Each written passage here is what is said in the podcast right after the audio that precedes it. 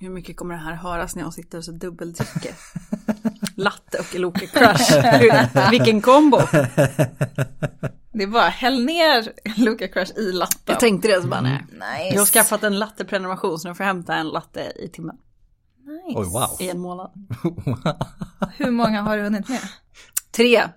Jag fick Idag? Nej, två idag. Tre totalt. Sen jag köpte den förra veckan. Äh, I måndags. Jag skäms. Ja, det är pinsamt, eller hur? Ja. ja. Nej. Nej, fyra. Förlåt, fyra. Det var en Jag skäms fortfarande. Okej, Ja, ska vi bränna av det jag här? halsar. Kör. Lite halsa först. chug, chug, chug, chug, chug, chug. Det är bara att du kör. Jag tänkte så att vi är redo när du ska säga att Hanna är här så att det inte blir så här. Hanna, sitter, Hanna drunknar i sin latte när hon ska säga, säga sitt namn. Det är ett kort avsnitt. Redo? Yes.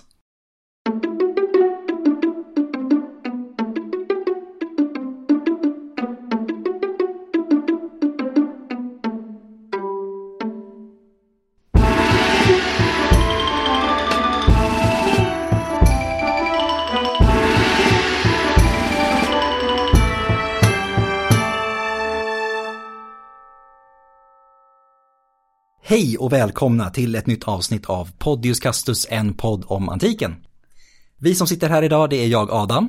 Jag, Angelica. Och jag, Hanna. Och idag så ska vi bränna av, eller vi ska gå på, gå till, vad ska man säga, gå på djupet eh, om ett särskilt ämne. Och det ämnet är, trumvirvel, Ska du hålla på det? nej det ska jag inte. Kan vi säga vad det är? Säg det vi inte kan under säga hela det avsnittet. Vi kan säga vad det är. Vi ska gå på djupet med oraklet i Delphi. Som är antikens mäktigaste kvinna. Yes. Ja. Eh, vilket vi, lite kul för att det var ingen av oss som hade egentligen hade tänkt på det tror jag, först. Nej, När man, alltså om, om någon hade gått fram till dig på gatan och frågat vem är antikens mäktigaste kvinna så tror jag inte jag hade svarat oraklet i Delphi direkt bara. inte jag heller. Nej, jag vet inte. Jag vet inte riktigt vilket sammanhang någon skulle gå fram till mig och fråga Nej men det. rent, rent, rent hypotetiskt. Pistol mot huvudet. Vem, vem var det? Vem var det? Jag vet inte.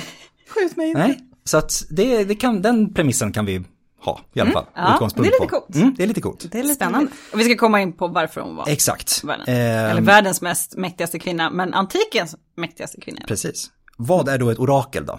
Eh, eller själva ordet orakel kan vi börja med. Så förstå egentligen vad det är vi pratar om som sagt var. Eh, det kommer från ett latinskt verb som är orare, alltså att tala.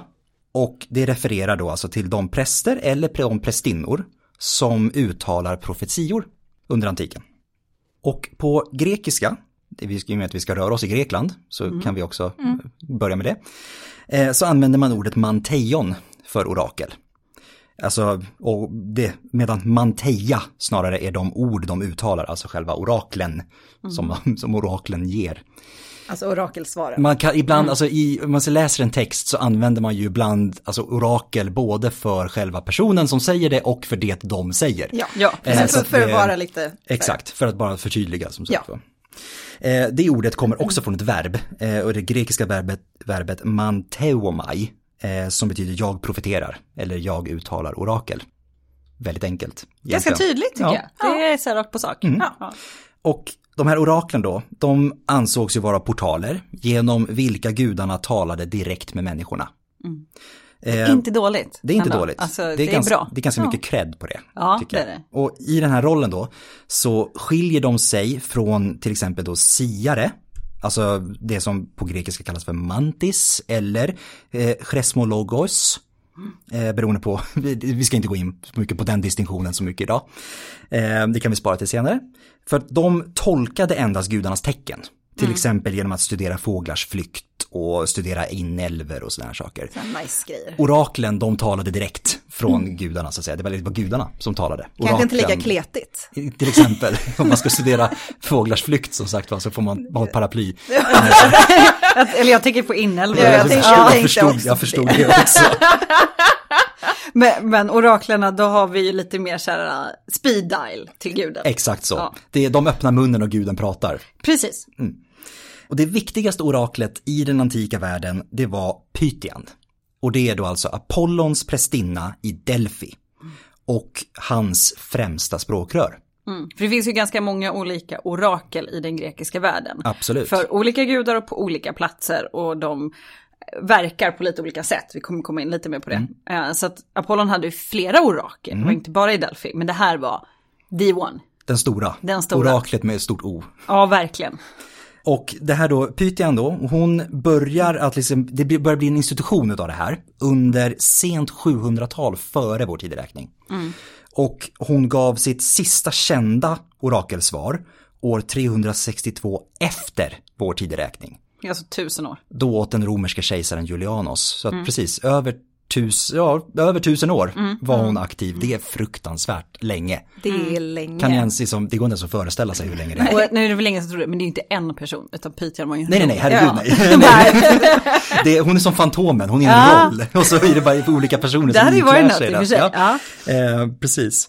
Eh, men då, och i och med den här rollen som Apollons främsta språkrör på jorden, liksom, så får hon ett otroligt betydande inflytande. Och rent praktiskt så är hon den högsta religiösa auktoriteten i hela den grekiska världen. Och i och med det då i förlängningen, inte bara kanske antikens mäktigaste kvinna, utan en av antikens allra mäktigaste personer. ja. Full stopp. Grymt.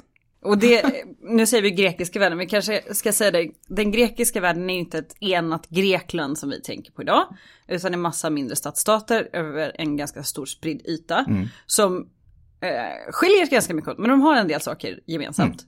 Språket, Mm. och så hur, alltså religionen är kanske lite fel ord, för det är ju praxis man Exakt. pratar om, det är inte som vi tänker på en religion. Eh, och de kallar sig ju helener som ett, ett gemensamt namn. Precis. Om de blir tvingade till det. Om de blir tvingade, om de nu måste. De, de höll ju inte med varandra Nej. och I först- slogs till höger och vänster med varandra Jag också. tänker att i första hand skulle de ju sagt vilken stadsstat de kommer ifrån. Absolut, man var ju atenare före man var Helen. Absolut. Och spartan före man var Helen till Precis. exempel.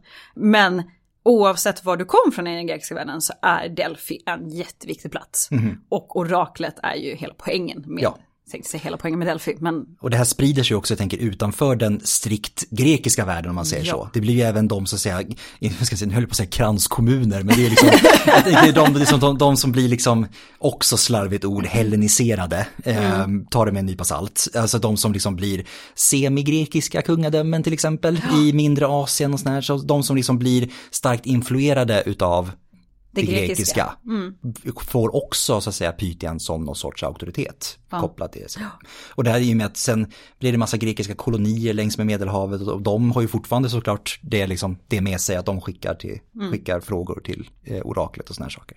Och då tycker jag bara vi kan nämna att det, det fanns eh, många kvinnliga orakel och många kvinnliga siare under den här tiden. Men det är ändå manlig gud med ett kvinnligt språkrör.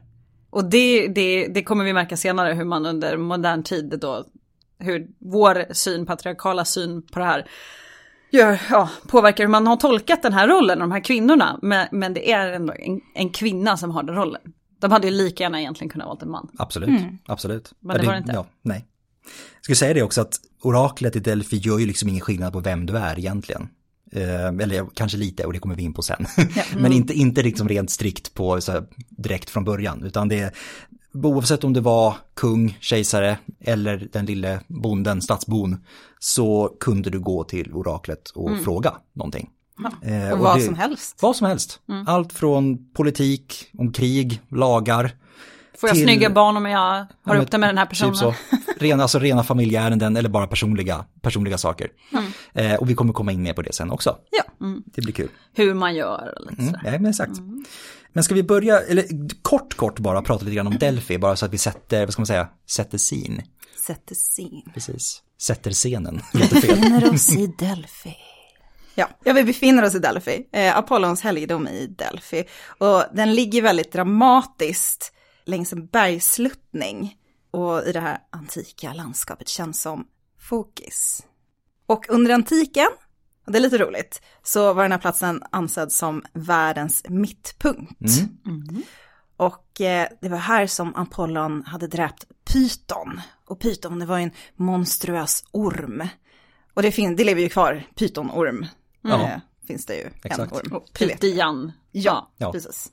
Men jag tänkte specifikt. Ja, ormen. ormen. Ja. ja, du tänkte så. Ja, ja.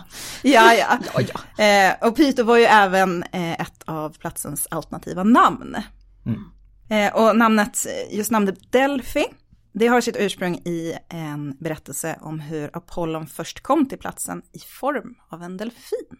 Som man gör. Som man gör. Om man är gud. Travel like a dolphin. Jag hade gjort det om jag var gud. Eh, ja. Skuttat runt i havet. Eller nej, jag skulle nog ha flugit. På en delfin. På en delfin. Mm. Bara som en örn, ner, ta en delfin och bara flyga iväg. Låter rätt så mäckigt, men sure, gör det du. Eh, don't diss me. Eh, och den här helgedomen då, skulle mycket tack vare oraklet komma att bli eh, en av de allra viktigaste platserna i hela den antika världen. Och det finns mängder med byggnader som utgör den här helgedomen. Men det viktigaste, som alltid, är ju själva templet. Och den tidigaste fasen av det här templet är från 1600-talet före vår tideräkning.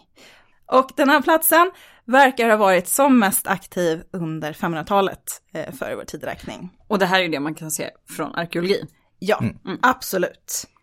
Eh, och det finns ju väldigt, väldigt mycket att säga om Delphi som en plats. Vi kanske ser till att göra ett avsnitt om det senare. Absolut. Eh, men det ryms inte i det här avsnittet. Nej. Så vi lägger det åt sidan och fokuserar på det viktigaste.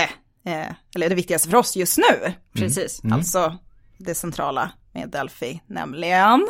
Pythian! Oraklet, yes. Yes. Har ni varit i Delphi? Ja, Ja, du har varit i Delphi, det vet flera jag. gånger. Vi har varit i Delphi Ja, tillsammans. det har vi faktiskt varit. Det vi Jag faktiskt har varit. inte varit det, det står väldigt högt på min att åka-lista. Eh, det, Kan varmt rekommenderas. Ja. Det finns få platser i Grekland som man har varit på som är så Alltså det är magiskt. häftiga. men det är ju också så här, det är ju naveln, bokstavligen. Ja. Omfalossen ligger ju där. världens mitt. Ja, det är klart man ska åka dit. Ja, Ja. Ja. Så det kan vi tipsa om också. absolut. Abs- Åk till Delphi om ni får chansen. Ja. Eh, Men det som fascinerar oss mest är ju berättelsen om oraklet, om Pythien och de här kvinnor som under tusen år fungerade som Apollons språkrör. Och då är ju frågan så här, hur fungerar det? Eller kanske viktigare, varför fungerar det här under så lång tid? Tusen år är väldigt, väldigt, väldigt lång tid. Eh, och det här är ju ganska klurigt. Eller jätteklurigt. Eh, och det finns väl två anledningar som gör att det här blir lite struligt för oss. Som vi ska, vi ska gå igenom så att vi alla är med på läget. Lägger grunden lite grann. Ja, bara. men lite. Och det första är att vi har ingen ordentlig beskrivning av exakt hur en sån här rådfrågning gick till. Och hur Pythian fick sin gudomliga inspiration. För hon ska ju sitta, vi kommer gå in på var hon sitter och så, men och ur henne kommer gudens ord. mm. Och det är ju rätt så speciellt, man måste ju ha någon connection till guden. Så. Eh, Och de relevanta källorna som vi har är främst från den klassiska perioden, alltså cirka 500 till 300 före vår tideräkning.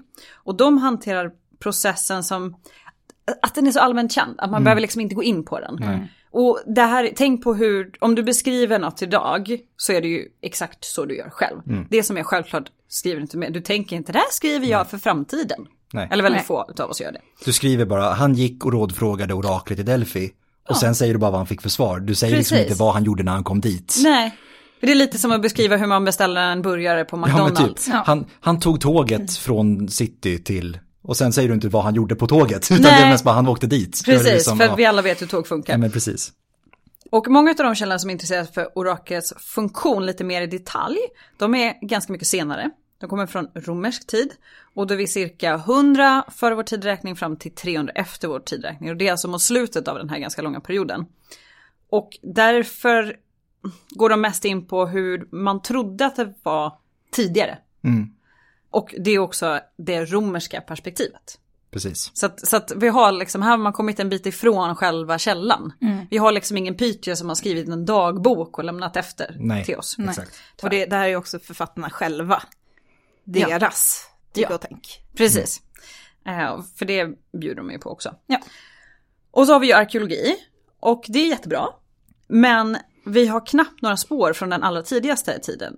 Rent arkeologiskt. Alltså pratar vi 700-tal till 1600-tal. Eh, då- Och det nämnde ju du Angelica att man liksom kan se, se i arkeologin från 1600-tal. Då har vi ju 100 år där som man faktiskt inte har någon koll på alls. Precis. Så det är lite tråkigt. Och sen har vi den andra stora svårigheten. Eh, och den andra svårigheten det är ju då i de här frågorna som man har ställt till oraklet. Och sen också de svar som hon har gett och som sen också har bevarats i källorna de här orakelsvaren och frågorna. För att många av de här, de skrevs ju ner långt efter det att rådfrågningen hade ägt rum. Mm. Bland annat då också av kristna författare. Och då är vi inne som sagt vid den här senare romerska tiden när mm. det också börjar blandas in mm. kristendom i alltihopa. Mm.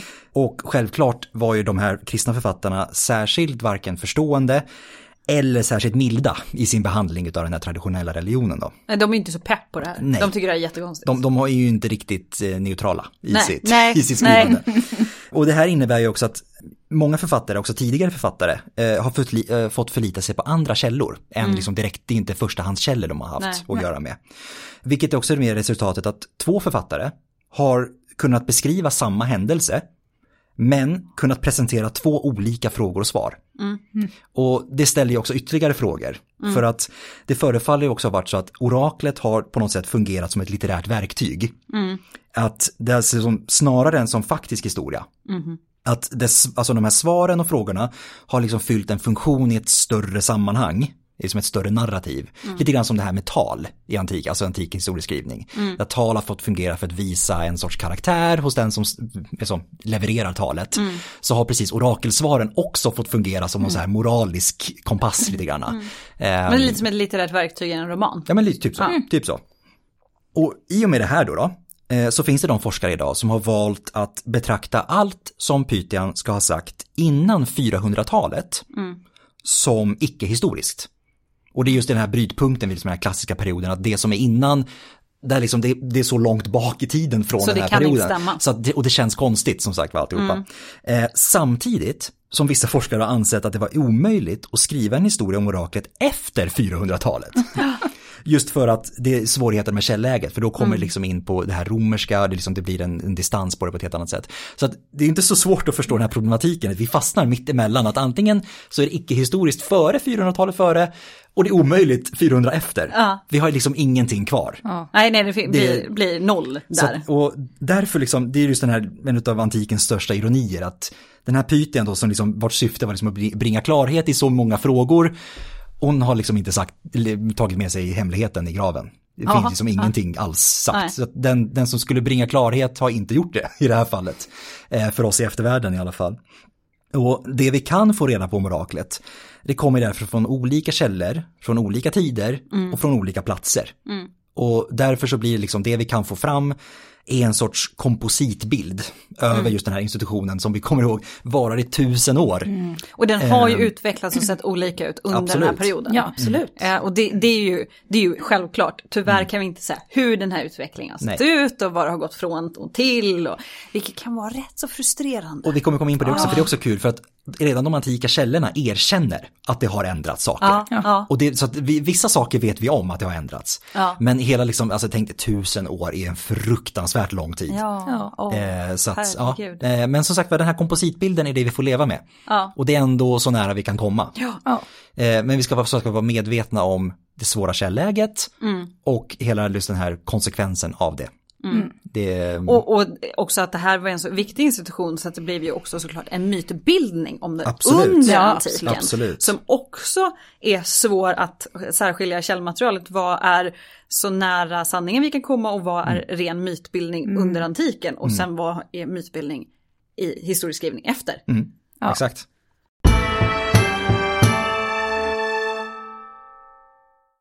Men ska vi ta det vi vet?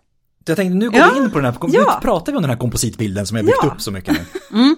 Eh, I korta drag, oraklet i Delphi var en pristinna mm. kallad Pythian. Yes. Det vet vi. Mm. mm.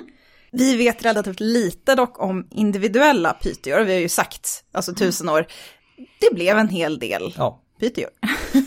så vi vet inte så mycket om individuella. Och vi vet inte heller så mycket om hur och varför de valdes. För de valdes mm. också. Mm, mm. Och det här är så frustrerande. Ja! En så mäktig position, mm. ägnat åt kvinnor och så vet vi typ ingenting om de Nej. kvinnorna som var där. Mm. Nej, mm. så är det. Mm. Det mesta av vår information kommer ju från Plutarkos. Och han var en grekisk författare på hundratalet efter vår tidräkning. Och där har vi kommit en massa hundra år fram i tiden. Alltså Python har ju varit aktiv i 100, 800 år. Ja. Mm, mm. Precis.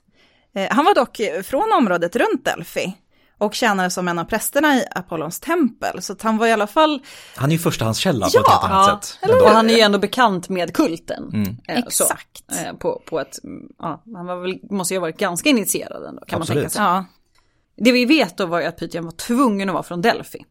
För det, det berättas, så det är inte heller, om man tittar på den samlade andra bilden som vi kommer komma in på, att platsen Delphi var inte bara en helgedom, det växte ju också, eller det var ju ett samhälle runt omkring och de körde ju stenhårt på, stenhårt på att de har den här väl, ja. väldigt speciella helgedomen. Absolut. Och Plutarkos berättar att i hans dagar, alltså under hans tid, så valdes oraklet från en av de mest respekterade familjerna i Delphi. men Mm. det behövde inte betyda en rik familj. Nej. Utan just att hon ska ha levt en, ett ordentligt liv, ett aktningsvärt liv. Alltså det handlar mer om, om personligheten än, än ställ, kanske nödvändigtvis ställning i samhället, vilket är ganska intressant. Precis. För då kunde det lika gärna varit en kvinna från en bondefamilj. Precis. Och det är också det som Plutarkos, alltså den Pythia som tjänade under Plutarkos tid när han var vid templet. Det var precis det hon var. Hon var från en fattig, fattig bondefamilj. Men hon hade så att säga ett, ett, ett, rikt, ett vad ska man säga, ordentligt leverne. Ja, som gjorde att hon, Ja, hon blev ja. utvald. Eh, Ja, hon uppfyllde ja. vissa, den typen av kriterier. precis. Och Plutarkos skriver också att det inte fanns någon, eller krävdes ingen speciell förkunskap eller talang för att bli, liksom, utan det är den här karaktär, karaktärsdragen då. Sen, nu spånar jag vilt här, men jag kan ju tänka mig att då, när, när de som hade ansvar för att välja nästa Pythia borde ju haft lite koll på vem som skulle kunna Självklart måste du vara rätt person utifrån de här kriterierna. Du måste ha levt ett sunt liv, kanske rent själsligt, men hon ska ändå leverera orakelsvar och det är inte helt orimligt att tänka mig att de valde någon med någon typ av förmåga. Det, det kan man ju tänka sig, som sagt. Man kan tänka sig, det, i alla fall under perioder borde det ju ha varit så att det... Absolut, jag tänker att det fanns säkert ingen, det måste ju funnits någon överlappningsperiod också. Eh, Ja. Jag tänker att den, det, typ att den nuvarande Pythian fick någon sorts understudy. Ja, Eh, något år innan hon förväntades gå ur tiden så att Mm. säga. och det var inte bara alltid en Pythia heller. Nej, Nej. Så att det där hade man ju då väldigt mycket att överlappa. exakt. För att när, när Pythian väl valts ut så är hon ju där på livstid. Ja. Hon känner Apollon från det att hon blivit vald till dess att hon trillar av pinn. Ja. Eller trillar av trefoten. Om man ska säga. Ni, kommer, ni, kommer, förstå varför det är kul sen. senare.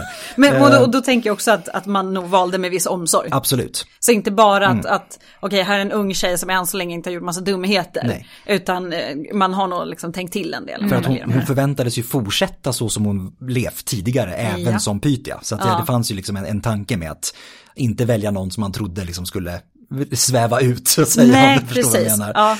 Men också någon gång efter 300-talet före vår tideräkning eh, så fick hon ett eget hus att bo i Mm. också. Det var schysst. Eh, som betalades av helgedomen. Så att hon, hon fick liksom jobb och husrum det liksom med alltihopa. Eh, mm. Men som vi var inne på förut också, Plutarkos påpekar att historiskt sett, alltså långt innan hans dagar, så var templet så aktivt att helgedomen behövde använda sig av totalt tre pytior samtidigt. Och då var det två stycken fasta och en vikarie som kunde byta av ifall att. Som man Ehm, ringde in om någon var sjuk. Exakt, typ så. Men i hans dagar så räckte det med en. För att det hade lugnat sig lite grann under, under, hans, under hans tid. Man kan tänka sig, det ser lite kul ut med liksom två pytior som bara sitter liksom och levererar svar hit och Ja, dit. det- Kör vi, är så här, maxa. Pumpa ut det bara.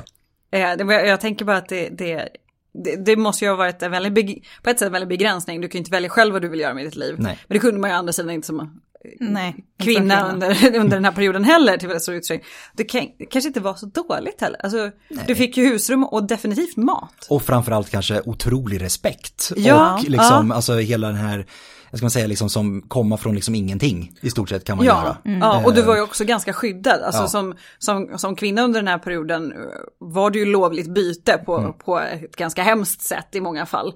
Men Pythian var ju ändå eh, skyddad. Hon Du hade- kan, ja. du, det, ja, Framförallt hade du guden som skydd. Ja men precis. Och det är inte- det är inte att Det säga inte- lite. Det är inte fy skam. Nej. Eh, och, och det här med mat och liksom det, det ja. Det, för vissa borde det ha varit ganska eftertraktat ändå. Man kan, absolut. Och Det att det säkert skänkte en hel del cred till familjen. Definitivt. Vi har en pythia i släkten liksom. Ja, det, kan man ja, nog sätta på CVt. ja, liksom. ja. För man ska komma ihåg att det här är ju liksom inget det här är ju ett högt, alltså det är jätterespekterat ämbete ja. att ha. Ah. Det finns liksom, det, det är få som kan matcha det. Ja. Och eh. medellivslängden var ju inte som idag 85 plus för kvinnor, men de byttes ju inte ut heller på löpande band. Nej, nej precis. Eh, så det, det, var inte så många under ens livstid som kunde bli valda, så att blev man utvald så lär det ha varit ganska stort. Det tror jag nog.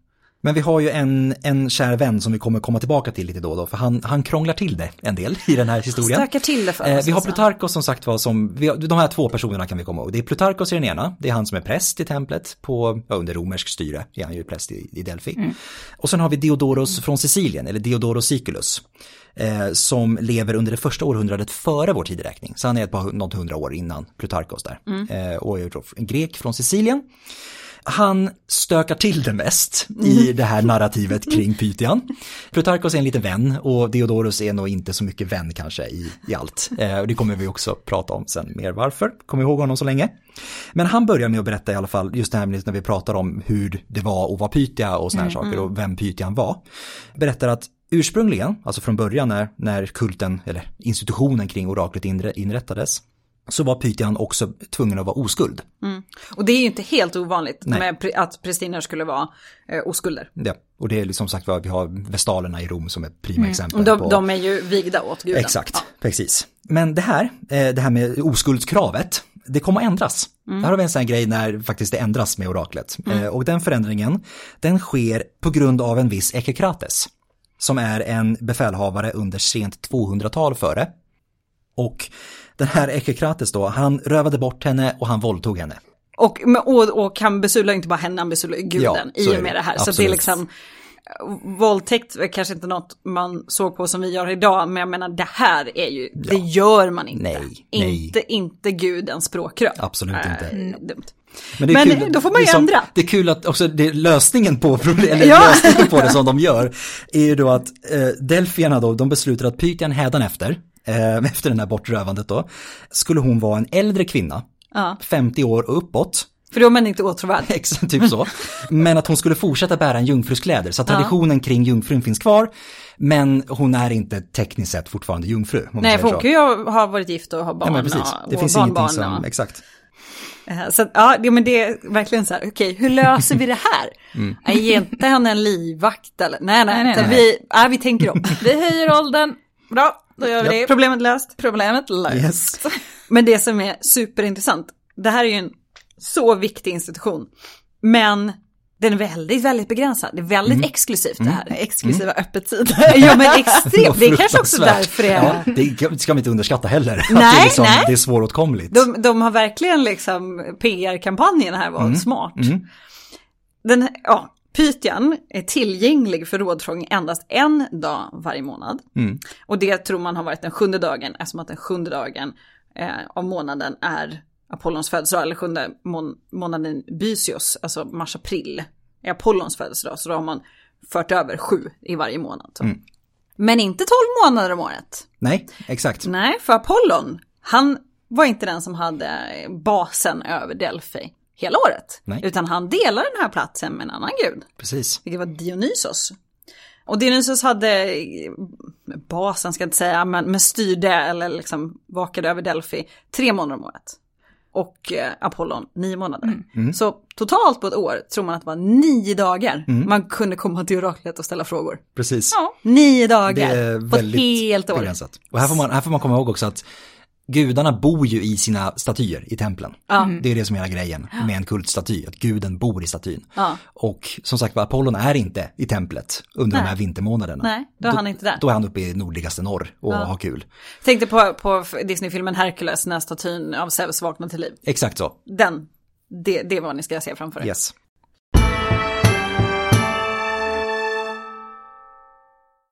Okej, nu är vi i Delphi under antiken. Ska vi beskriva en? Nu ska, vi, nu ska vi beskriva vad som händer, ja, vad vi ser ja. i Delphi under antiken. För att en av de här dagarna då, de här nio dagarna på ett helt år, mm. så det är liksom, det är nu det händer. Så nu ska vi tänka oss att vi ska ta oss till Delphi, vi ska få, vi ska tajma den här dagen, vi ska in. Eh, resan dit är, är lång och krånglig för många, för man ska ta sig dit, man ska upp, det ligger ju ganska högt på läget. Den delen skiter vi googla hur det ser ut, ni får föreställa er. Men när man då tar sig närmre och närmre den här helgdomen så det här har ju som sagt varit en viktig institution och folk har, vi kommer komma in på varför, men man har skänkt väldigt mycket till den här platsen. Eh, många stadsstater har, har egna liksom, eh, vad, hjälp mig med ord här. Alltså skattkammare. Skattkammare, tack. Sånt, en sån har man. Pengaförvaring, ja, en liten skattkammare. Mm. A.k.a. skattkammare. Mm. Eh, jättemycket statyer, eh, så det finns antika källor som beskriver den upplevelsen. Man går där lite som en, som en turist. Mm. Åh, titta där är en snygg staty. Och den där, gud vad häftig. Har du sett den där borta? Så att det är liksom en ganska häftig upplevelse att bara ta sig in till den här platsen. Innan man ska börja med det rent rituella. Mm, mm. Det börjar ju inte egentligen med de som ska söka råd eller som ska ställa sina frågor till oraklet utan det börjar med oraklet själv. Och hon måste för att hon måste ju förbereda sig för det som ska komma. Och det, eh, det första hon gör är att i gryningen så går hon till den så kallade kastaliska källan i närheten av helgedomen där hon ska bada, tvätta sig. Rena sig. Rituellt rena sig, mm. tvätta bort allt, allt det där mänskliga smutset som man bär runt på och så att säga förbereda sig för att möta guden och hela den här biten. Enligt vissa traditioner så var det i den här kastaliska källan, eh, eller vid den här kastaliska källan, som Apollon dröp, dräpte Python. Så att det var Python som vaktade den här källan. Alltså den här eh, monstruösa ormen. Exakt, exakt, som vi, mm. ja, precis. Och när hon då väl renat sig i källan så var det att bege sig till templet som gällde. Eh, och troligtvis så hade hon ju ett följe med sig såklart. Hon var ju liksom inte bara vem, hon var inte bara vem som, vem som helst. Utan Nej. hon var ju faktiskt Pythian i Delphi. Och det fann, hon, hon var ju oraklet och sen fanns det ju ett helt prästerskap runt henne. Absolut. Hon hade säkert, vad ska man säga, liksom sådana som bara upppassade på henne också. Garanterat. Antagligen, ja. Och när hon kommit dit, till templet alltså, så skänkte hon ett brännoffer till Apollon i form av lagerblad och kornmjöl. Där hon också uttalade en hyllning åt alla, liksom, alla gudar som fanns i närheten, mm. även liksom de här säga, platsens, platsens andar och gudomligheter. Och, mm. saker. och ungefär samtidigt så var då templets präster, alltså de andra prästerna i templet, mm. som var manliga ska vi tillägga. Mm, Plutarkos, Plutarkos var ju en av de här då. Mm. De var upptagna på sitt håll. Ja, med det kanske viktigaste. Det viktigaste av allt. Alltså, jag tycker det här är jätteroligt. Visst är det För de var ju tvungna att utröna om dagen var gynnsam för oraklet. Ja, och hur gör man det på lättast sätt? exakt, hur gör man det ja, på lättast hur sätt? Gör, hur gör ni på morgonen? Ja, jag, gör, jag gör ju så här. Ja, ja. exakt ja, så. Ja, så här. Alltså, jag tar min get, jag skvätter kallt vatten på den. Den ryser, ja då, då är det liksom, då är gudarna välvilliga. Mm. Och så var det här. Precis. Det, det är lite som så här, okej, okay, jag vill att det här ska, jag vill ha det här svaret, hur ska jag få det? Ja, du skvätter kallt vatten på en get. ja, det är klart den reagerar. Ja. Och som, eller jag ska säga, så, också, det räcker ju inte det, det, räcker, det tar ju liksom inte stopp där, utan om, om geten ryser till efter att ha blivit dränkt med kallt vatten så offras geten. Ja. Sen på det här det, det, stora altaret framför templet. Eh, som ett tecken då på att dagen var god. Mm. Och att allting kunde fortlöpa som man tänkt. Att Apollon var pepp. Ja, han, han var med, han var redo, ah, han väntade. Ah. Han, var, han var färdig. Eller färdig, han var, han var, han var redo. och, det, och det här, allt det här sker ju parallellt. Eller jag ska väl säga kanske de här personerna som tar sig våra, med turistsyn ja, Athena, spartaner, alla mm. möjliga, mm. de har kanske också, de kommer inte dit samma morgon, utan Nej. de har kommit dit långt mm. innan mm. för att man ska, ska köa ett visst system och man måste vara på plats och det är ju som sagt bara en mm. gång i månaden. Precis. Så att många av dem såg ju säkert delar av det här också, man var, fick vara tillräckligt långt fram. Mm. Man har inte bara tagit sig fram genom det här myllret av fantastiska byggnader och statyer och skatter. Eh, man måste ju också själv rena sig. Du kan ju inte gå in hur som helst. Nej. Det blir inget bra. Så att de ska också rena sig i en källa, precis som Pythien. Antagligen mm. inte samma. Det finns många källor på plats. Mm. Och sen måste man ju organisera sig. För att jag visst, oraklet är till, teoretiskt sett tillgängligt för alla. Men någonstans så måste det ju liksom finnas någon typ av rangordning. Precis. Som sagt nio dagar på ett år. Mm. Mycket mm. folk. Den lokala befolkningen, alltså delfierna på plats, hade alltid första king. Mm. Så det är schysst. Det är jättebra mm. för dem. Mm. Och sen efter dem så kommer då greker vars samhälle, stadsstat var liksom tillhörde samma styre som Delphi. Mm. Eh, alltså tillhörde samma förbund. Precis. Och sen andra greker som hade en god relation till Delphi.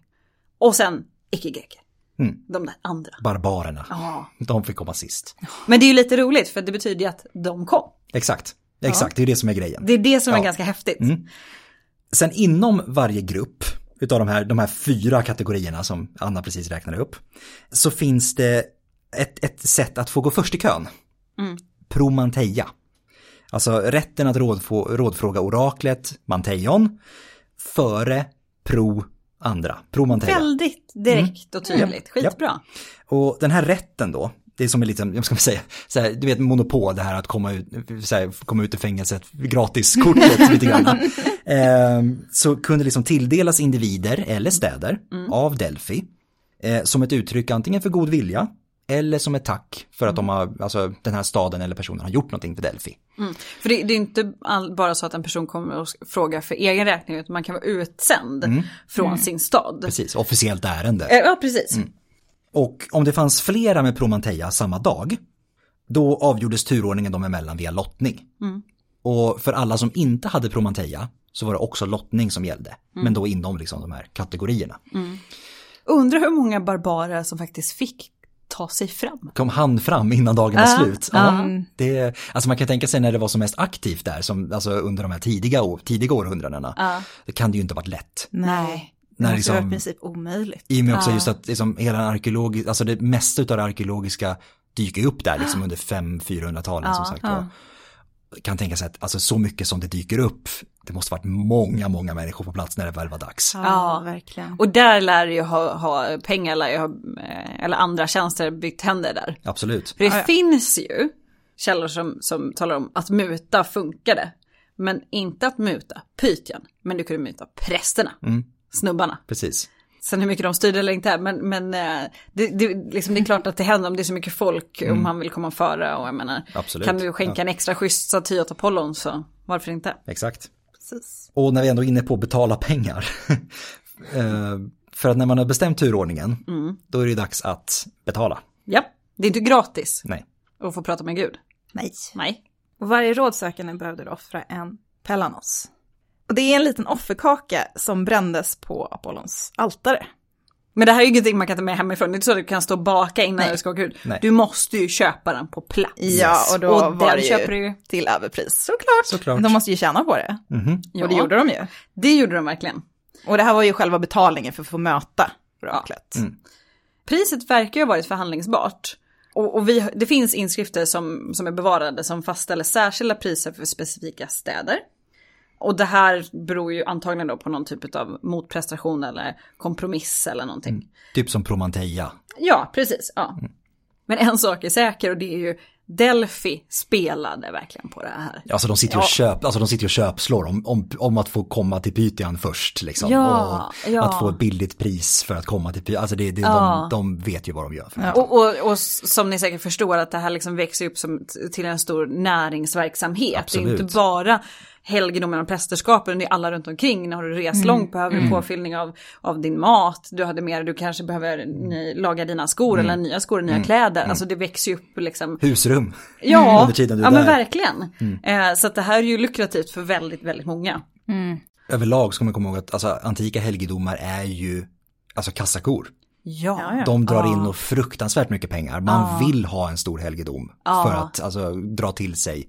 Det, är så att, alltså, det kommer ju besökare dit såklart och de besökarna gör av med pengar på helgedomen. Mm, ja. Det, det, Och sen så hårdare med votivgåvor Absolut. i templen. Ja.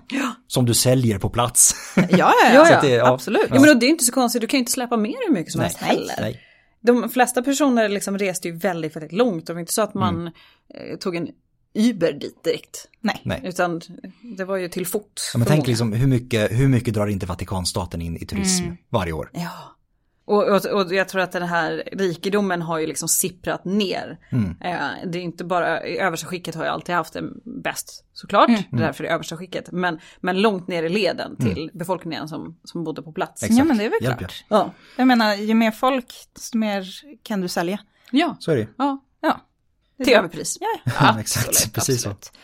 Men tillbaka till Ja, vi står Det i vi kö prata om. Vi står, vi står vid kö fortfarande och Vi står i väntar. kö och eh, om vi har tur så kommer vi fram. Ja, Men som sagt, det måste ju varit folk som inte kommit fram. Mm. Men när det äntligen har blivit hans tur, Mm. jag säger hans tur, För det var ju inga kvinnor, utom Pythian, som var tillåtna i templets inre. Mhm. Eh, Så när det äntligen var hans tur skulle den rådsökande utföra ytterligare ett offer. Och det här var ett djuroffer vid templets härd. Och om den här rådsökande då inte var från Delphi så var han tvungen att åtföljas av någon från Delphi. Snacka om att de verkligen alltså, spelar ut det härska teknik så det skriker i allt. Eh, Och jag menar då, är det, det är inte så att eh, de som bor i Delphi inte har någonting annat att göra på dagarna. nej, nej. Eller ja, inte om du sätter det här i business, men du får ju såklart betala för det. Mm, absolut. Och han fick ju såklart också betala för djuret som skulle offras. Ja. Och sen när det här djuret då offras så, så att säga, skänks en del åt gudarna, en del skänks åt Delphi, eller Delfierna själva, och en del då åt kniven, som Plutarkos beskriver det tror jag att det är. Och det är då troligtvis den som faktiskt utför offret. ja. Den som är då liksom anställd av templet att utföra offret åt dem. För det är ju en sakkunnig inom sitt, inom sin, sitt område så att säga. Så här har de de har verkligen ett så bra system. Du måste komma dit, du måste köpa det här offerdjuret. Sen går det ändå, för jag menar, djurhållning är ju inte hur enkelt som helst. Nej. Alltså det är ganska resurskrävande. Men då går ju ändå en del av liksom, vad ska jag säga, materialet eller då köttet i det här fallet går ju tillbaka. Mm. Precis. Alltså de har ju verkligen, Ja, det är, det- är uttänkt, väl uttänkt. Väldigt väl uttänkt. Eh, många jätter gör de av med i Ja, alla fall, kan ja. vi väl sluta oss till. Eh, men när han då äntligen har utfört det här sista offret inne i templet, då ställs han ju inför det han har väntat på. Ja, För Nu är det dags att möta Pythia. Men här blir det superrörigt, eller svårtytt i våra källor. Mhm. Och det är ju för att de är till stor del ganska motstridiga, de här källorna. Man kan koka ner till, till tre frågor. Och den första är, var fanns oraklet? Det känns som att det här borde vara ganska självklart. Ja, Ett men- tempel var ett orakel, Ja, eller hur? ja, vi vet ju i alla fall att hon är i templet. Vi vet att den är i templet, men, I- men ja. mer specifikt än så. Ja, Pythian ska ha uttalat sitt orakel från Adyton. Mm. Och det ska vara ett speciellt avgränsat område i templet. Och flera källor beskriver det här som ett ganska trångt utrymme. Och här fanns då Omfalos, och alltså naveln, stenen som representerades världens mittpunkt. Mm. Två Apollonstatyer, en i trä och en i guld. Apollons lyra och heliga rustning. Dionysos grav, som också kan ha varit Omfalos, det är lite rörigt. Samt Pythian som satt på en trefot bredvid ett lagerträd. Det är trångt i det här rummet. Ja, det är väldigt, är trångt känner jag. trångt. Ja. Jag, jag får nästan klaustrofobi. Ja, men, jag ja, men, här, hur går det här? Ett träd? Ja. Och det här utrymmet, vi vet inte vad det fanns. Det är helt enkelt det vi kan sluta oss till. Eh, vissa forskare argumenterar för att vara nedsänkt i golvet. För det här ordet eh, liksom antyder att det ska vara ner på något sätt. Och att det ska liksom ja, vara då någon typ av nersänkning. Ja, ja. Andra menar att det var ett helt och hållet underjordiskt utrymme. Det har man inte kunnat se i, de arkeolog- i det arkeologiska materialet. Så att vi, vi vet inte. Nej. Nej. Och det är lite tråkigt. Mm. Och den senare fasen, alltså 300-talet före vår tidräkning och liksom Framåt, framåt, eh, så har man hittat spår av ett rum i templets huvudkammare. Men det är väldigt osäkert om det här är det här avgränsade utrymmet. mm. Och om det nu är det, ja, vad fanns det här utrymmet innan då? ja, exakt. Alltså det, det ger ja. tyvärr inget svar. Nej. De smällde upp ett tält. Ja, Alltså det, det, ska man säga, det är faktiskt ingen dum idé. Nej. För att alltså, organiskt material bevaras ju inte nej. på det sättet. Om det inte är väldigt speciella omständigheter. Ja. Så att hela liksom, tempelinredningen Ja. existerar ju inte. Nej. Eh, och jag tänker att det, vi håller, håller det med oss när vi kommer till den andra frågan. Var stod den rådsökande någonstans? Ja. För att den, det finns en berömd, eh, en berömd vasmålning som jag tror att jag kommer använda som omslagsbild för det här avsnittet. Så att jag, jag kan nästan lova att jag kommer göra det. Ja. Så titta på, titta på Instagram eller Facebook om ni vill se den här vasmålningen. Eh, den, där sitter Pythian på sin trefot, mitt emot den rådsökande. Om Det är liksom vanligtvis tolkat som bevis på att den rådsökande faktiskt var i rummet med Pythian och direkt framför Pythian. Men det är en, en vasmålning. Begränsad yta. Så är det ju. Att få in det man vill ha in. Och man ska säga, det, det, det är en svårtolkad vasmålning för att Ja. det är en kolonn emellan den rådsökande och. Precis. Och är då kolonnen bakom, Bety- framför, eller? Eller är det liksom ett symbol för att det här är liksom en avskild, alltså det är Precis. två avskilda rum? Nej, jag vet inte, det, det, det är svårt. I Ja. I alla fall. Både Herodotos och Plutarkos eh, verkar antyda att det fanns någon sorts struktur inuti templet där den rådsökande satt vid rådfrågningen. Men det här rummet som Herodotos kallar Megaron och Plutarkos kallar Oikos, alltså hus, mm, precis, bara, ja. eh, har inte kunnat påvisas arkeologiskt. Det här skulle kunna vara som ett litet, alltså det är ett skynke man drar för ja, mm. och så liksom sitter man så att säga täckt av typ tygdraperier eller något i den stilen. Men jag tänker som när man, eller när man, om man biktar sig i katolska mm, kyrkan. Att det, alltså det kan ju vara, kan vara ett trästruktur. Det, absolut, det, det liksom, ja. Och som sagt, det här finns ju inte kvar. Nej. Och, Nej. och det var ingen av våra antika källor som beskrev exakt, ja då gick man upp för ett trappsteg och det mm. såg ut exakt så här. Precis. Det var den här färgen och det är de här måtten. Mm. Eh, alltså det är lite, mm. mm. Ja. Man, får, man får inte glömma det förgängliga materialet. Nej. helt Nej, enkelt. precis. Okej, men då kommer vi till den tredje frågan. Ja. Vem mer var där? Och vi vet ju att det fanns präster i Apollontemplet. Och om det var så som Plutarchus återger och den rådsökande fanns i ett eget rum så är det troligt att eh, deras fråga eh, då gavs antingen muntligt eller skriftligt till prästerna. Och dessa ska sedan ha åtföljt Pythian in i Aditon och ställt frågan till henne. Alltså om man vill behålla den här mystiken ja. mm. så, så finns det ju absolut en poäng i att det är bara prästerna som får komma mm. nära den här väldigt speciella kvinnan. Absolut. För att hon är ju i det, i det läget eh, i så nära guden man kan komma. Mm. Så liksom. Så mm. det är klart att då kanske inte vem som helst ska få komma i den här rätten. Sen om prästerna också nedtecknade svaret är svårt att säga baserat mm. på källorna. De ger ingen tydlig bild. De beskriver inte heller, det är som sagt var den biten utav alltihopa.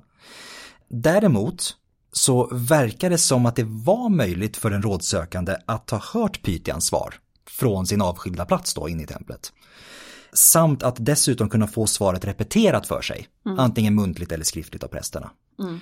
Eh, så att det här är den här också tvet, alltså, vad ska jag säga, motstridigheten i källorna, att mm. liksom, de pekar åt olika håll allihopa. Mm. Eh, och det finns liksom ingen som egentligen ger en enhetlig tydlig bild. Nej, för det är ju det är väldigt många som, som tror och tänker att de här frågorna man kommer med, de kommer man ju inte på när man stod där inne, man har ju funderat på de här ett tag Absolut. för att ens bege sig till Delphi, men sen att de också nådde till antingen Pythian själv eller till prästerskapet mm. långt innan du väl kom fram. Eh, så att man antingen då har formulerat ett svar innan, mm. men, eller att man är beredd. Precis. Och sen då, liksom just den här, vilken roll prästerna spelade i själva formuleringen av svaret. Mm. är ju också en sån här grej som återkommer. Att vad hörde de egentligen Pythian säga och vad skrev de i så fall, om de nu gjorde det, mm. ner och mm. gav till den rådsökande. Eh, och just liksom hur vi ser på det, hur vi tänker oss det, beror också, det är liksom en följdfråga på det, eller följdiskussion på det, mm. vilken sorts svar Pythian gav. Mm. Och det beror i sin tur på hur vi tänker oss att Pythian fick sin så att säga gudomliga inspiration. Och det här är ju upphov till många diskussioner. kanske den största när det kommer till Pythian. Troligtvis den största, det skulle man nog säga. Mm.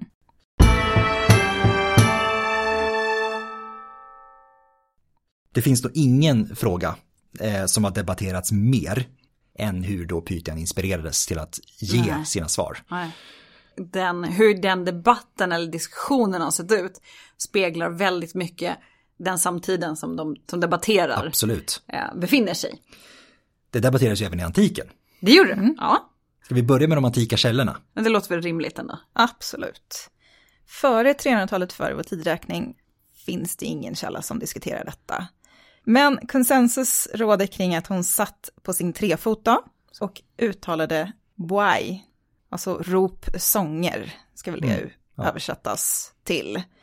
Och efter detta, från 300-talet före vår tidräkning, så finns det källor som nämner att hon skakade en lagerkvist. Fast det är mer troligtvis i ett rituellt renande syfte snarare än för gudomlig inspiration. Ja, med, med skaka kvistar eller, mm. eller löv är ju inte det är inte nytt i orakelvärlden om man säger så.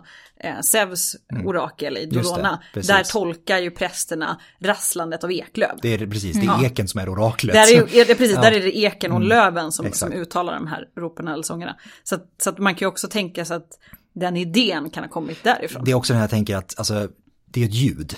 Ja. Och ljud ja. är viktiga i liksom, vi kommer också, alltså just när vi pratar om det här hur man får sin inspiration, Ja. tänka sig liksom att det här ständiga ljudet är liksom som, ja men det är som lite musik i bakgrunden på något sätt, det blir liksom en, en ljudmatta på något sätt. Och en del i den här viktiga upplevelsen. Processen som sagt var, eh, om inte annat. Jag ska säga det också att lager i det här fallet är ju Apollons heliga träd. Ja, Därav Mm, att det är ett lagerträd inne i Aditon och eh, lagerkvisten och hela den här biten. precis. Eh, därav. Sen kommer vi ju till eh, Diodorus Sic- Siculus. Och det är nu han ställer till det. Ja, det är nu han ställer till det. det Vad är det nu han ställer menar. till det. Han, han, han krånglar till den otroligt. Ja, och det här sätter spår långt, Han, långt han har fram. påverkat mer än någon annan, den Ja. här diskussionen. Absolut. För det han tar, tar upp, och det här är alltså första århundradet före vår tidräkning för att komma ihåg var Mm, vi ligger tidsmässigt. Han pratar om en klyfta i marken under Pythian, alltså som hon sitter Mm. ovanför. Och det här sätter ju igång både då och nu. Ja, en klyfta i marken, ja, då kommer det upp gaser. Och då är hon, ja, vi kommer komma in på det här. Mm, mm. Och det här, liksom, den här klyftan har verkligen levt kvar i diskussionerna kring Pythien väldigt, väldigt länge. En, en del är inne på att, att den här klyftan med är ett utrymme som hon stiger ner i. Alltså vi pratar om den här ord, underjordiska kammaren, alltså hon ska ner på det och sen så kommer hon upp, eller oraklet kommer ut därifrån, alltså det hon säger. Men hos Diodorus är det den här klyftan och ångan som kommer upp från den som är ursprunget till Delfis orakel. Och det är alltså då att Apollon är ångan som går in i hennes vagina och ut genom hennes mun i form av ord. För eh, under antiken så var det vissa som trodde att mellan vagina och mun är en kanal. Det vet ju alla, det går det liksom whoop! Så han andas in i henne och så kommer det ut som ord. Lite så här sexuellt över det hela. Mm. Ja. Jag lämnar den där tror jag. Med den tanken. Med den tanken. Den mentala bilden. Och då var det slut. Ja, eh, men, Nej, inte riktigt. Ja, men Diodorus, vad, är, vad det han beskriver då så att säga med starten på oraklet, det är att han, han återger en berättelse där en getherde är ute om dagen och upptäcker att hans getter blir som galna när de närmar sig ett hål i klippan. De skuttar runt och ja, lever rövare på, längs klipporna där. Eh, och sen märker de även liksom att man kommer dit, närmar sig den här klyftan, så när, alltså, människor drabbas också och börjar att profetera. De börjar prata i liksom, ja, säga saker, framtidsvisioner och alltihopa. Eh, och nyheten sprider sig. Och för att hindra folk att falla ner i hålet, Det måste vara ganska stort då. ja, precis, eh, så utser lokalinvånarna en kvinna att profetera för alla. Och de bygger då en trefot åt henne som hon kan sitta på så att hon är säker under sin trans. Då då. Alltså jag förstår ju att man måste ha en förklaring på hur, hur det här, hela den här institutionen uppkommer. Men om man har en klyfta som det kommer en konstig ånga ur som folk blir galna av, tänker man så okej, för att skydda alla andra från att ramla ner i klyftan, då sätter vi en person på den. Japp. Så ska, och hon från sin lilla jättehöga typ barstolspall ska skydda andra från att ramla ner. Det är otroligt ologiskt. Japp. Ja. Sen, har vi, sen har vi, återkommer vi till Plutarkos. Eh, under då första århundradet efter. Och han pratar om någonting som han kallar för nevma. Alltså översättning typ vind, luft eller inspiration. Eller inspiration ja. Och att templets kammare ibland fylldes av en välluktande doft. Som ett resultat av nevman då.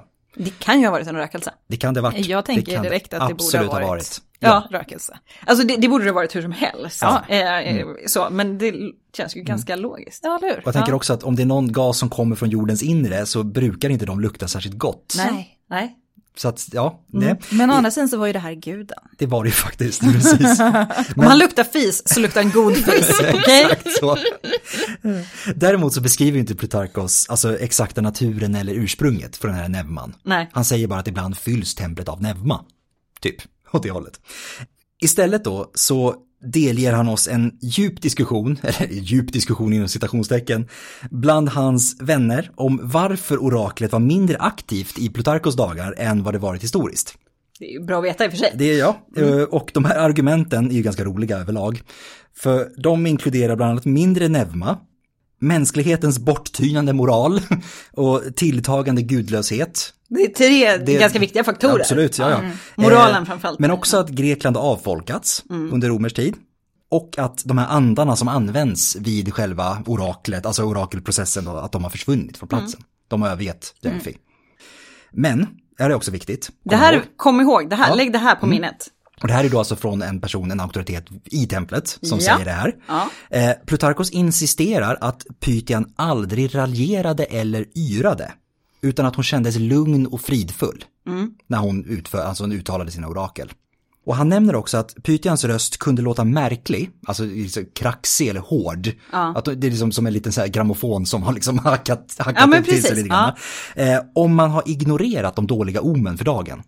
Och det, är som- det tyder ju tydligare på att Pythian vanligtvis lät normal. Ja, Hon låter konstig när man har liksom gått emot omen för dagen. Och det, det kan man ju tänka mig att, som sagt, nio dagar, Mm. man vill ju lite tjäna pengar på det här, så då vill man ju gärna ha goda Goda, omen. Och fick man inte, kanske man körde ändå. Ja. Så. Men vi har ju andra källor också att lite bara snabbt bränna av som sagt var. För att det är ju inte bara Plutarkos och Diodorus som pratar om det här. Nej, vi har ju till exempel Strabon som var geograf under första århundradet efter vår tidräkning. Och han beskriver Pythian som sittandes på sin trefot, mottagandes den här vinden eller luften eller inspirationen och sen uttalandes orakel. Så att återigen har man det här, eh, någon typ av ingång av inspiration och sen kommer ett orakel. Men också en ganska sen källa. Exakt. Men den romerska poeten Lucanus, under första århundradet före vår tidräkning, beskriver en väldigt annorlunda Pythia. Som, vars kropp liksom helt tas över av Apollon, hon är helt vild. Och liksom bara raljerar och håller på. Inte Plutarkos lugna Nej. Nej, Det kan ju också ha skilt sig från olika pytior. Absolut. Så. Men eh, sen har vi ju Pausanias och då är vi hundratalet efter vår tidräkning igen. Och Pausanias Pythia, där är det en helt annan grej. För där får Pythian sin gudomliga inspiration från en källa som rinner precis förbi och under templet. Så då är det inte en vind eller en luft eller någon, någon ånga eller gas. och utan- källor vet vi att det fanns. källor vet vi att det fanns. Mm. Och så har vi Lukianos, ungefär sam, alltså samma århundrade som Pausanias, hundratalet efter. Och enligt honom så tuggar Pythian på lagerblad för att få sin inspiration.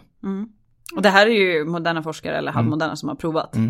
Och så blev de inte alls sådär crazy. De blev lite besvikna att det Jättebesvikna inte... på det. Ja, jobbigt liksom. Och så har vi de kristna. Ja. Och de fokuserar ju tillbaka på den här Nevmans effekt där Pythians så kallade galenskap ska orsakas av den ondskefulla ångan som stiger upp ur marken. Och det är värt att komma ihåg att de kristna författarna beskriver ju någonting som de inte anser är bra. Nej men exakt, precis. Så de har en helt annan ingång till det här. Absolut.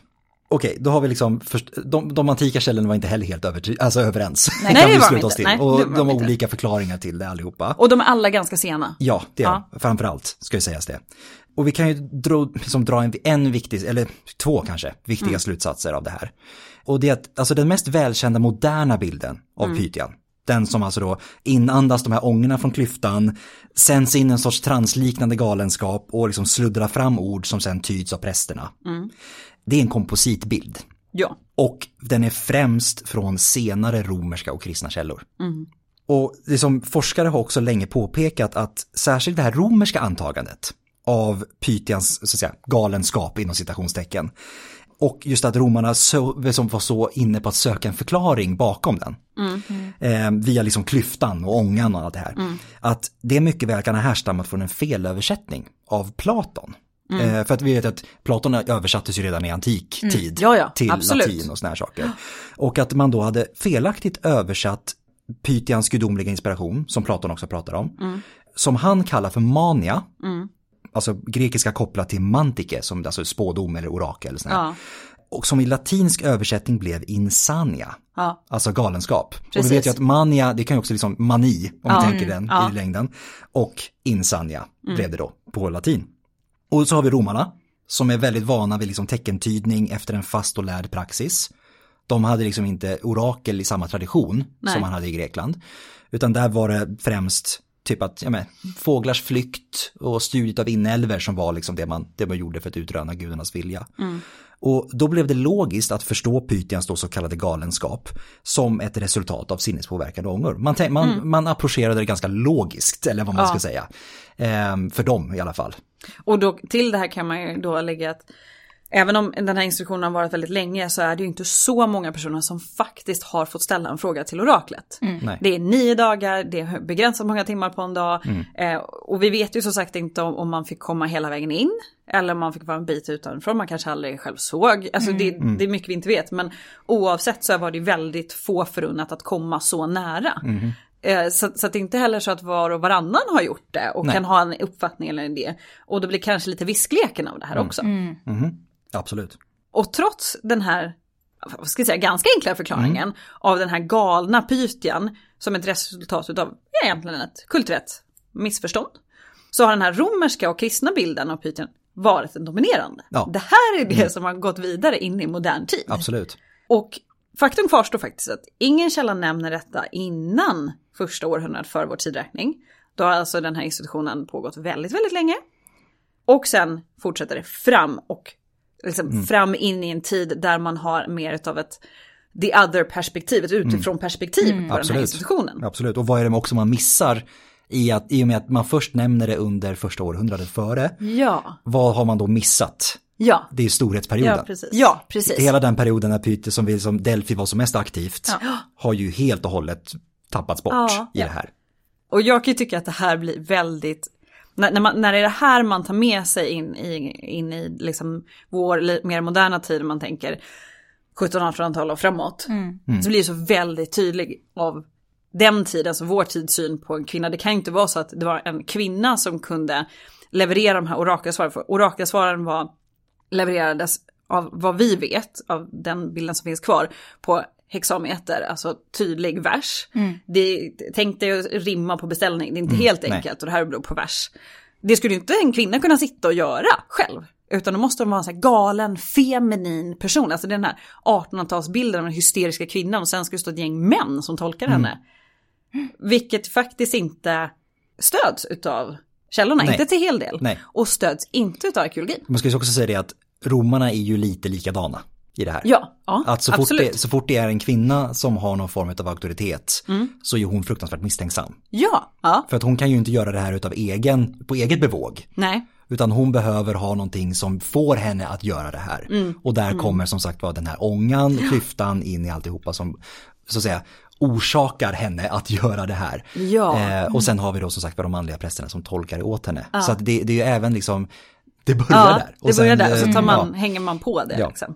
Och det har ju varit en sån dominerande bild att när man började gräva i Delphi, och där började man gräva på 1890-tal, så var det liksom ursprunget till den här ångan som var det man ville hitta. Man, liksom, man gick in med det som, som fokus. Ja. Och då blev man ju såklart ganska besvikna eh, när man misslyckades med det. Ja, Japp, ja, För det fanns ingen klyfta, eller det finns ingen klyfta under templet. nej. nej. Det känns också så här, bygga ett tempel på en klyfta. Känns som så här, Inte stabilt. slightly risky. Ja.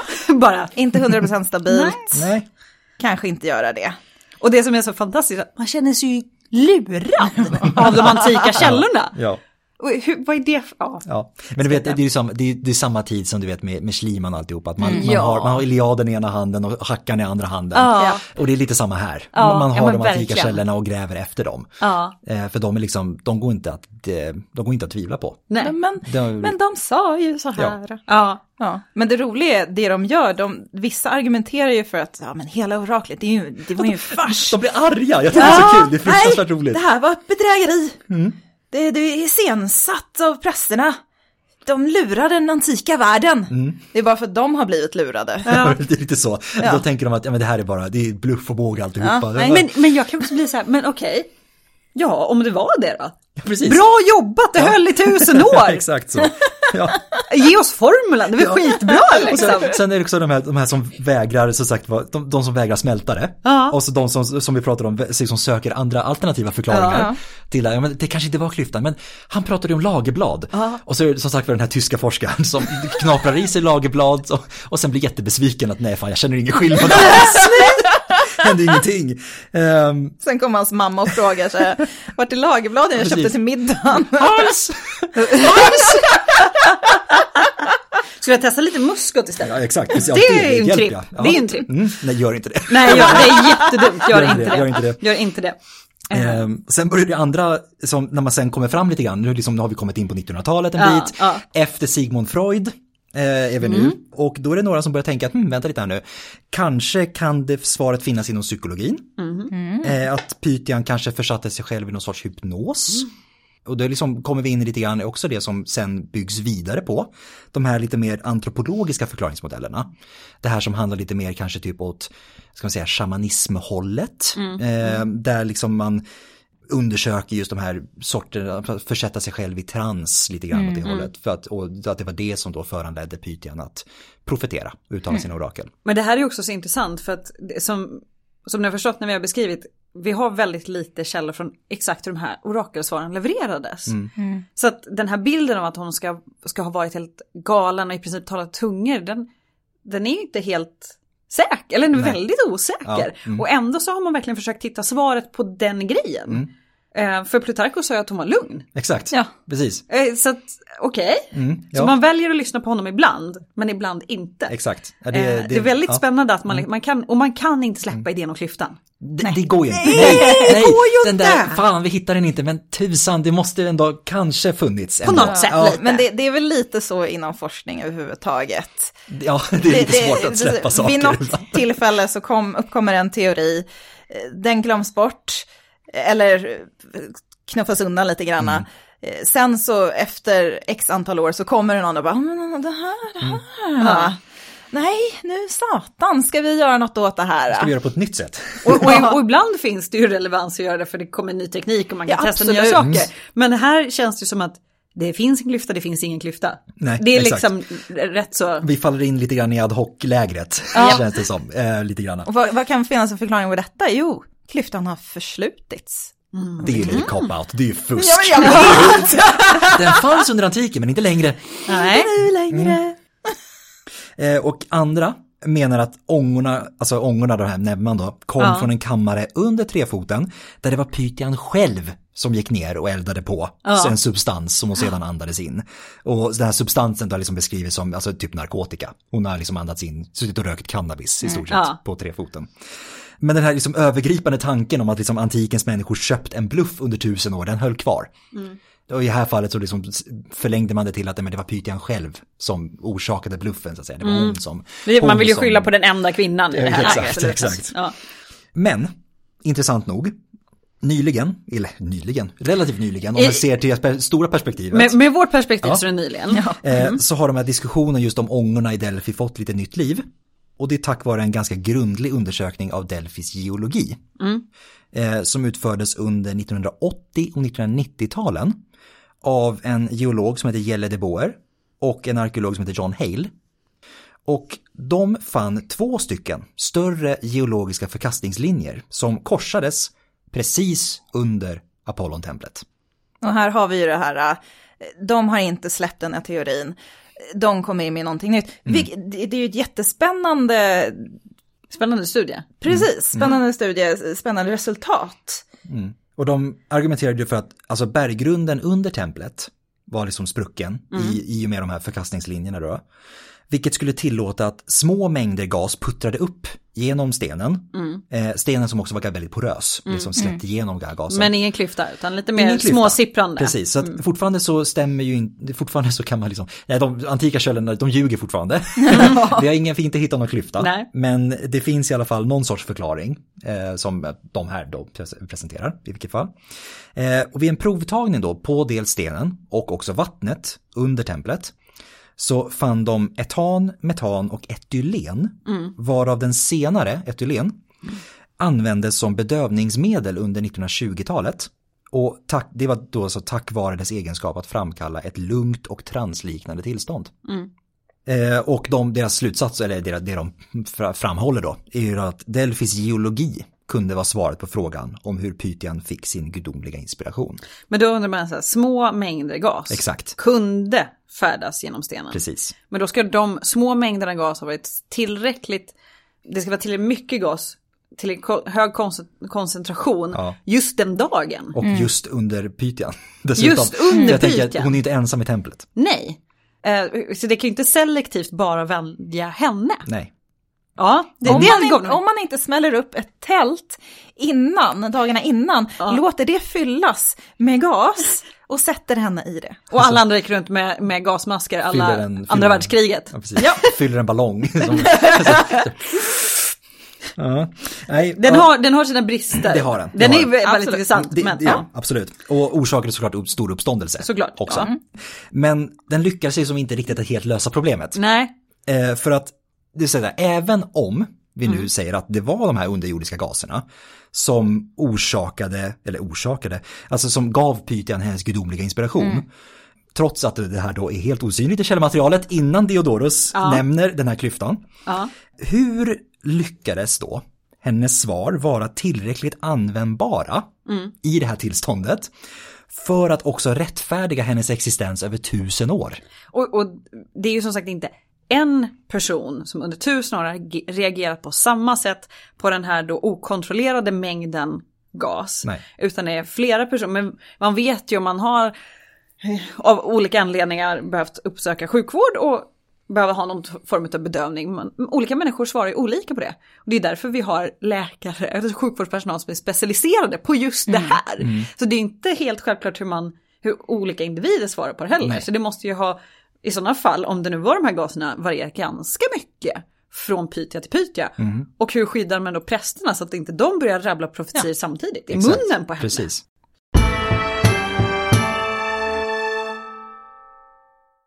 Nej, som sagt det, det, den ställer nästan fler frågor än vad den besvarar. Ja, det också, gör det. skulle man kunna säga. För att, men om vi då tar det här ett steg vidare, vad säg, vad, hur ska vi då förstå Pythian? Är väl då nästa fråga. Om det liksom, även trots gaserna, säg att gaserna, det, säg att det är legit, det, är liksom, det stämmer. Den Vi ser inga stämmer. problem med det. Nej, det är. säg att vi inte stämmer, att vi inte har några problem med det.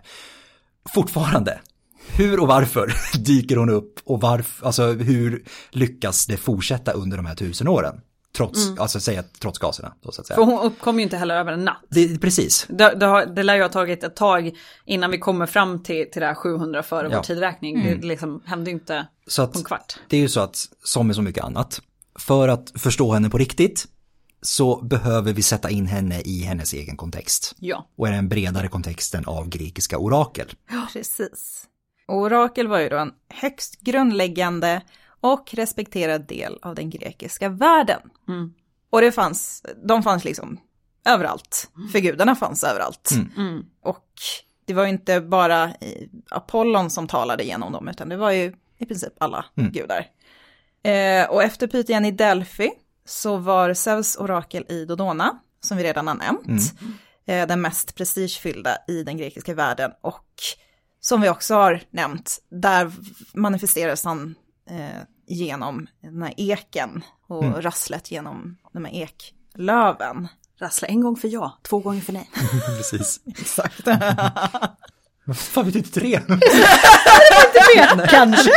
ja. Ibland så kunde även samma gud ha eh, olika former av orakel på olika platser. Eh, och Apollon hade ju då Pythine Delphi som satt på sin trefot. Men också prästinnorna i Argos som drack offerblod som en del av sin, eh, sitt eh, profeterande. Så fanns inte ett, ett sätt liksom för ett orakel att vara och existera Mm. Nej. och verka, utan det var olika och Precis. det var accepterat att det var Mm. olika. Ja, precis. Och det är liksom lite det jag tycker grejen också. Ja, att man kunde ja. välja Ja. lite grann. Men ska säga det också att just den här formen av, om vi då ska kalla det spådom eller profeterande eller vad vi nu vill kalla det för någonting, där man liksom ställer en fråga direkt till guden genom en mänsklig språkrör. Speed dial-varianten. Exakt, precis. Eh, Det är väl liksom bara en av flera sorters sätt att då få reda på gudarnas vilja eh, i det antika Grekland. För att som vi, som vi har varit inne på tidigare så kunde man ju såklart också tyda tecken. Inte bara liksom prata eller få höra guden tala direkt till dig. För det var ju ändå rätt så begränsat. Exakt. Tillgång till de här oraklerna. Eh, och det är liksom genom särskilda naturliga företeelser. Vad man ställde en fråga till och sen tittade man på tecknen. Och i stort sett allt kunde tydas. Ja, Eh, det är ju fantastiskt. Fåglars flykt, ordmönster, alltså bara hur ord dyker upp i en text. Nysningar, Nysningar, studera inälvor, titta in i en eld, grönsaker, grönsaker är fantastiska. Ja. Eh, krusningar på vatten, eh, spegelbilder, träd, stjärnor, tärningar, mycket, mycket mer. Men tänk dig om man liksom- går på någon så här typ marknad och Ja. då finns det någon spådam som läser tarotkort och någon som läser din- eh, dina händer och någon, alltså finns ju massa sätt eh, idag också. Kuriosa, eh, fiskar gick inte att tyda tecken på. Det visste jag inte. Nej. Nej, Så vad att, eh, spännande. Fiskar kunde man inte använda tydligen. men de är också lite svåra att få syn på. Ja, jag. det är precis. lite så här, Det är- "Ja, jag är en fiskspåtydare, Ja, jag har sett två fiskar i år. Det Ja, blir liksom vad lite jobbigt. det? Allt, allt går åt helvete. Och det här ledde till att det fanns liksom alltid en mindre armé av vandrande siare. Alltså Chresmologoi eller Manteis som vi pratade om precis i början. Som var liksom i aktion i samtliga större städer i Grekland. Ehm, och alltid liksom kunde rådfrågas på något sätt. Och, och det som är viktigt att ha med sig det är att vi idag, i alla fall om man är uppvuxen här i Sverige, så är det, gör vi ganska stor skillnad mot det, det religiösa och det sekulära. Alltså det som har en religiös aspekt och det som inte har det. Men eh, tänk på det som julafton. Hur många i Sverige idag som firar julafton sitter och tänker på Jesu födelse? Och det är därför vi firar julafton när vi tittar på kalanka och, och dricker julmust. Jag tror inte det. Nej. Men det är något vi gör för Man, vi har man alltid blir gjort det. påmind av det i Karl-Bertil Jonssons jul. Ja, men typ såhär, Typ ja just, jaha det var det där, ja ja okej, ja typ så. Men det är någonting man, det är liksom bara en självklar del. Mm. Eh, många utav, i alla fall oss i det här rummet, men säkert många som lyssnar, har väl firat eh, diverse skolavslutningar i en kyrka. Mm. Utan att själva kanske varit tro, troende eller egentligen fundera på varför man är i en kyrka. Man gjorde bara så. Alltså det, det är det här liksom, det är inte, det är inte, det är inte åtskilt på det sättet som vi kanske är vana vid. Och då är det inte, då är inte det här så långt bort. Nej. För det kan kännas ganska främmande idag. Bara, ha, så gick man till ett Rakel som satt på någon eh, barstol och sa konstiga saker. Alltså det, det kan kännas väldigt främmande. Men jag tror att man måste försöka komma förbi den bilden. För det ger inte en, en speciellt ärlig bild av hur det nog var att leva med det här liksom konstant närvarande. Precis. Gudarna var ju överallt. Absolut. Och det här var liksom också ett, alltså inom det här systemet så fanns det ju liksom också en, en sorts kommunikation som alla föredrog. Ehm, och som också liksom kunde variera på beroende på liksom vilken fråga man skulle ställa. Det är som en fråga kunde man ställa till ett orakel och en annan till en siare till exempel. eh, beroende på vad det var. Peisistratos, eh, som vi pratade om lite grann i demokratiavsnittet väl, först gör vi. Aten-avsnittet. Han var ju tyrann i Aten på 500-talet före. Och han rådfrågade till exempel aldrig Pythian. Nej, Han höll sig bara till siare. ja, det var, det var mer hans grej. Mm. Och Alexander den store, hans siare skulle bara vara från mindre Asien. De var mer pålitliga. Men det här betyder liksom inte att siare liksom, jag menar, kanske lätt för oss att tänka också, men siare liksom, de sågs inte ner på överhuvudtaget. Inte alls. De kunde också liksom, de kunde vara högt respekterade i sin egen alltså rätt. Och också hålla liksom höga civila positioner i Ja, samhället. Absolut. Och det är liksom den, en, en atensk general som heter Nikias under 400-talet. Han hade en siare som han, var hans favorit, som Mm. hette Stilbides. Och det var också en av hans främsta officerare. Ja, det här är liksom genomsyrar samhället på ett sätt som kan vara svårt att greppa idag. Mm. ja. Det är verkligen överallt. Så Ja. det, är inte, det är inte främmande, det är inte något vissa gör. Det kanske var Nej. vissa som gjorde mer av, men, men det, är liksom, det är en del av vardagen. Helt Precis. enkelt. Ja. Men det betyder inte att spådom och det här systemet med oraklet, man kunde ju skämta om det. Mm. Alltså det, det var ju inte främmande att det, det, åt, alltså det återkommer ju typ i, i, eh, som ett tema i grekisk komedi exempelvis. Eh, bland annat hos eh, Aristofanes. Mm. Eh, och, och även oraklets koppling till eh, gudomliga kunde ifrågasättas. Så det var, det var liksom, det var inget farligt att ifrågasätta eller eh, skämta om det här. Nej men det är väl precis som idag, att man, man kan tro på den ena nyhetskanalen men inte på den andra. Ja. Och man kan skämta om dem, alltså Ja, ja. sådär. Ja. Man kan skämta om nyheterna men ändå lyssna på dem också. Ja, men precis, ja. Euripides, han som, tragikern som skriver tragedier, han, tragikern som skriver tragedier. Han, Han, det är så här, när man köper sig själv tid för att tänka ut slutet av meningen. Han skrev att den bästa siaren är den som gissar rätt. Ja. Ganska cyniskt. Ja, verkligen. eh, och eh, vi kommer väl komma in på det, men, men ganska många orakel hade ju alltid rätt. Ja, ja exakt, precis. Eh, så har vi Xenofon, eh, som är författare, eller författare, han var bland annat författare. Bland annat. Eh, under 300-talet före. Han skriver också att spådom är bara användbar när den mänskliga styrkan saknas. Så att han, sätter- han sätter fortfarande liksom mänskliga dådkraften först. Men sen kommer oraklet i andra hand, typ när man inte har något annat val. Nej. Och som vi nämnde så, så finns det ju källor som säger att man kan ha mutat, både inte, kanske inte bara muta sig fram i kön till, till ett orakelsvar till Pythia, men också kanske mutat prästerskapet. Eh, för att få det svaret man vill ha. Ja. För att jag menar, har du tagit dit vill du ha rätt svar. Så är det ju, absolut. Men det, här- allt det här liksom, det representerar ju en avvikelse från normen, ska man Ja, säga. ja. I det långa loppet så lyckas inte det här skaka tron på systemet som helhet. Det är liksom, det, Nej, det är ganska stabilt. Det är stabilt, det finns där det finns. Och, och finns i tusen år som sagt var, från, i alla fall om vi pratar Pythian. Och så också, alltså svårt för oss idag att kanske förstå just den här inställningen till det här systemet. Alltså spådoms, hela den biten. Och som tidigare, som vi pratat om tidigare, så har man applicerat antropologiska förklaringsmodeller på alltså, den här, det här fenomenet. Men det, det man har lärt sig, så att säga, det, det vi inom liksom just antikforskningen har lärt oss från den antropologiska forskningen, är då att så länge det, liksom det finns en allmän acceptans inom ett samhälle, att en institution fungerar och är riktig, alltså den, den är på riktigt, så, gör, så fungerar den och är riktig. Det är liksom, och och den är varken bättre eller sämre än någonting annat. Så länge det finns en, en konsensus inom samhället att det här är riktigt och bra och funkar. Ja, men, och, och jag tror man ändå måste ta in i beräkningen att eh, om man själv beger sig till eh, Pythian då i det här fallet, eh, eller man blir utsänd, man blir den utsände, du ska ta dig en ganska lång väg för de flesta, du ska ta dig upp på den här platsen, det är en ganska makalös plats, eh, rent hur det ser ut. Du tar dig, tar dig in, du delar de här statyerna, alltså det är en, he- en helhetsupplevelse som är ganska stark. Idag när vi reser har de flesta av oss redan googlat. Även om det inte alls är samma sak att se en bild som var på plats. Så det här blir en helt ny erfarenhet för antikens människor som vi har sällan den idag. Vi har inte det där, den, den, den grejen eh, som de kanske ställs inför. Och var det då kanske lite så här, ja, ja, Pythian, men så kommer du dit och så är den här häftiga upplevelsen och det är alla sinnen. Alltså det, det är väl svårt att inte ryckas med heller. Ja. Och du ser alla andra människor som tror på det här. Alltså det, det är ju som du säger, det, det är så stor allmän acceptans att det är också ganska svårt och ensamt att vara den som bara, nej, det här tror inte jag stämmer. Ja.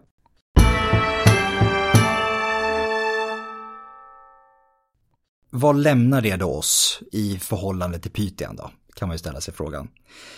Till en början så måste vi då alltså tänka oss in i ett samhälle där alltså ett orakels koppling till det gudomliga, det är allmänt accepterat.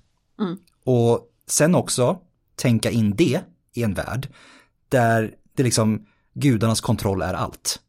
Gudarna finns överallt och de kontrollerar allt. Och gudarna, de kunde ju alltså då bara, alltså för dig eller vara emot dig. Och de kan göra livet så jävla surt för dig. Och det vill man ju inte. Åh! Så, och i och med att man inte vill det, Nej. så är det ju då också logiskt att liksom inte enbart bara försöka blidka dem med offer. För det sker ju som någon sorts sista utväg lite grann, Ja. när det, väl liksom, när det börjar att tajta till sig på något sätt. Utan att man också liksom försöker ta reda på deras intention för framtiden. Alltså att försöka föregå dem. Så att man inte behöver hamna i den här situationen. Och därtill, så, och det är som, där, där spelar ju oraklen in. Ja, Siarna ja, ja. och oraklen som sagt, för det, de tolkar ju som sagt gudarnas vilja. Precis. Eh, antingen tolkar eller faktiskt eh, att det är guden själv som beskriver Ja, sin vilja. Ja, ja. Och sen som sagt vad som Hanna var inne på också, just det här när man kommer till platsen och liksom tar till sig hela den här liksom, traditionen, ritualen. Det är starka verktyg i allt det här. Alltså tradition och ritual är jätte, jättekraftfullt. Absolut. Icke att underskatta. Och det, liksom, det samlar ju på sig över tid också. Ju längre det här pågår, ju starkare Ja. blir traditionen, ju starkare Ja. blir ritualen runt det. Och det spelar ju såklart in också. Ja, vi gör det här för att vi alltid har gjort det här. Typ är så. en ganska Ja. kraftfull grej Och att ändå. vi går och frågar Pythian, hon har funnits i typ så länge någon kan minnas. Ja, Eh, allt, alltså, så, så, alltså, i, I deras perspektiv har hon alltid funnits. precis. Ja. Och hon har alltid rätt. Eh, ja, dessutom. Det här betyder ju faktiskt inte att människorna behöver veta exakt hur Pythian var kopplad till Apollon. Alltså det här som, den här diskussionen om den här ångan som man liksom inte kommer förbi. Mm. Precis. Det är inte fullt så relevant eh, inom den antika kontexten. För det viktiga är att det finns den här breda utbredda acceptansen, att det finns en koppling mellan Apollon och Pythian. Det här är också något som du som vanlig människa kanske inte kan greppa. Nej. Och du behöver inte greppa det. No. Det, det. Det räcker med att veta att det funkar. Och det kan ju låta kanske lite simpelt, men det enklaste är också ofta det mest korrekta. Mm. Och kort och gott, ett orakel kan helt enkelt ha funkat för att folk trodde att det funkade. Mm. Ja. Det behöver inte vara svårare än så. Nej, det förklarar inte allt, men, men Nej. det är ändå liksom en ganska stor pusselbit skulle jag vilja säga. Mm. Och, och någonting man absolut ska ha med sig, att det här är ju ingenting som folk såg snett på under antiken, utan det här Nej. var ju, det var ju väldigt, väldigt viktigt. Absolut. Och med det kommer man långt. Absolut. Men som du sa, det förklarar inte allt. Inte riktigt allt. Nej. Och vi behöver ta in två andra faktorer i alla fall i det här. För Mm. att som sagt var knyta ihop säcken lite grann. För att kunna förstå hur Pythian lyckades behålla sin status Ja. över den här perioden på tusen år. Och vi börjar med den första faktorn. Det är då vilken sorts information som man sökte från Pythian. Det här är en av mina favorithistorier Mm. Från antiken. Och det är väl också kanske en av de mest kända rådfrågningarna som vi kommer ta upp nu. Jag tror, jag tror nog att det är den mest kända Det rådfrågningen. är den henne. Jag Och det är med det. en ganska känd person. Det är det. Kung Kroisos, eller Krösus. Kan man som säga. Krösus. Ja, precis. Han var kung i Lydien Mm. på 500-talet före vår tideräkning. Och han ställde en fråga till oraklet. För att han börjar ha perserna som börjar bråka Mm. och stötta, stöd, vara lite stöddiga. Eh, och han frågar helt enkelt oraklet om han ska gå i krig med perserna. Han får ett ganska bra svar. Precis, som vi kommer till. vi ska hålla på det. Vi ska hålla på det det. vill jag hålla på. Det vill jag hålla på. på. Det vill jag Men får på. jag lägga in en annan sak det, kan du få, innan? det kan du få göra. Eh, de, de under antiken som skulle ha fått den här historien beskriven för sig, Mm. eller, så, de kommer ju veta ungefär åt vart det barkar. Ja. För Kroisos, han har testat oraklerna. Mm. Han har testat alla de här kända oraklerna. Han utsatt för ett test. Och det är två som får det rätt. Precis. Det är Pythian en av de två som lyckas Mm. med det här testet. Ska man testa gudarna? Ja. Nej. Det är inte riktigt rätt inte kanske. rätt. Så att han, han har lite, det fattar han inte själv, men han har ett dåligt utgångsläge. Verkligen, oh ja. Men just eftersom att den här frågan då, om perserna och kriget och hela den här biten, att, att den är så välkänd, så har den också ofta fått tjäna som exempel på hur en rådfrågning gick till. Ja. Men ironiskt nog, så verkar det som att Croesus inte riktigt förstod hur ett orakel funkade. Nej, nej. Eller i alla fall hur Pythian funkade. Och det här indikeras också troligtvis av Herodotos, som är den som, som ger oss den här, alltså det här, den här berättelsen då. Och det verkar vara, varit väldigt ovanligt att en rådsökande faktiskt ställde en sån direkt fråga om framtiden. Alltså, ska jag göra det här? Det, det verkar ha varit otroligt ovanligt. Vad gjorde man istället? Och istället så verkar de flesta frågor ha formulerats eh, efter modellen. Är det bättre och mer lönsamt för mig att göra X eller Y? Mm. Eller alternativt, till vilken gud ska jag be innan jag gör X? Mm. Alltså rådsökande presenterade problem för Pythian i form av alternativ. Mm. Eh, eller kanske man ska säga sökte råd för hur deras mål skulle upp- uppfyllas. Eh, istället för att direkt fråga om vad som skulle ske i framtiden. Alltså inte testa guden, Mm. utan be om råd. Ja, Och då har man ju också formulerat frågan på ett sätt som gör ganska tydligt vad man själv vill. mm. Och om jag vill eh, bli rik, ska jag offra till Zeus eller Athena? just det. Ja, så, det är uppenbart att jag vill bli rik. Exakt, precis. Ja, Och det är, ju- det är en ganska bra fråga, för Mm. om Pythian då svarar Athena, så offrar jag till Athena så blir jag inte rik. Mm. Då har jag inte oraklet svarat fel. För hade jag offrat till Zeus hade det kanske gått ännu sämre. till exempel. Ja, så. Precis. Det finns ett, ett ganska intressant exempel där Sokrates eh, ifrågasätter hur man har ställt frågan till, till Pythia. Och den som ska få svar, ska, han funderar på, på hur, eller han ställer frågan i formen så här, vilken gud ska jag offra till om jag ska ge mig ut på det här, på den här eh, militära expeditionen? Eh, och åker till Delphi, hamnar långt fram i kön, ställer sin fråga, får ett svar, du ska offra till den här guden. Bra, kommer tillbaka till Sokrates och bara, jag fick det här svaret. Och Sokrates säger så här, "Ja, men du frågar inte om du ens skulle åka från första början. Och det är just det, liksom, man har redan formulerat frågan på ett sätt som visar vad man är ute efter. Exakt. Det, Där, där Pythian alltid kan ha rätt, Exakt. dessutom. Verkligen. Och det, det är också nyckeln i det här. Ja. Det, det kommer att bli väldigt tydligt, om inte annat.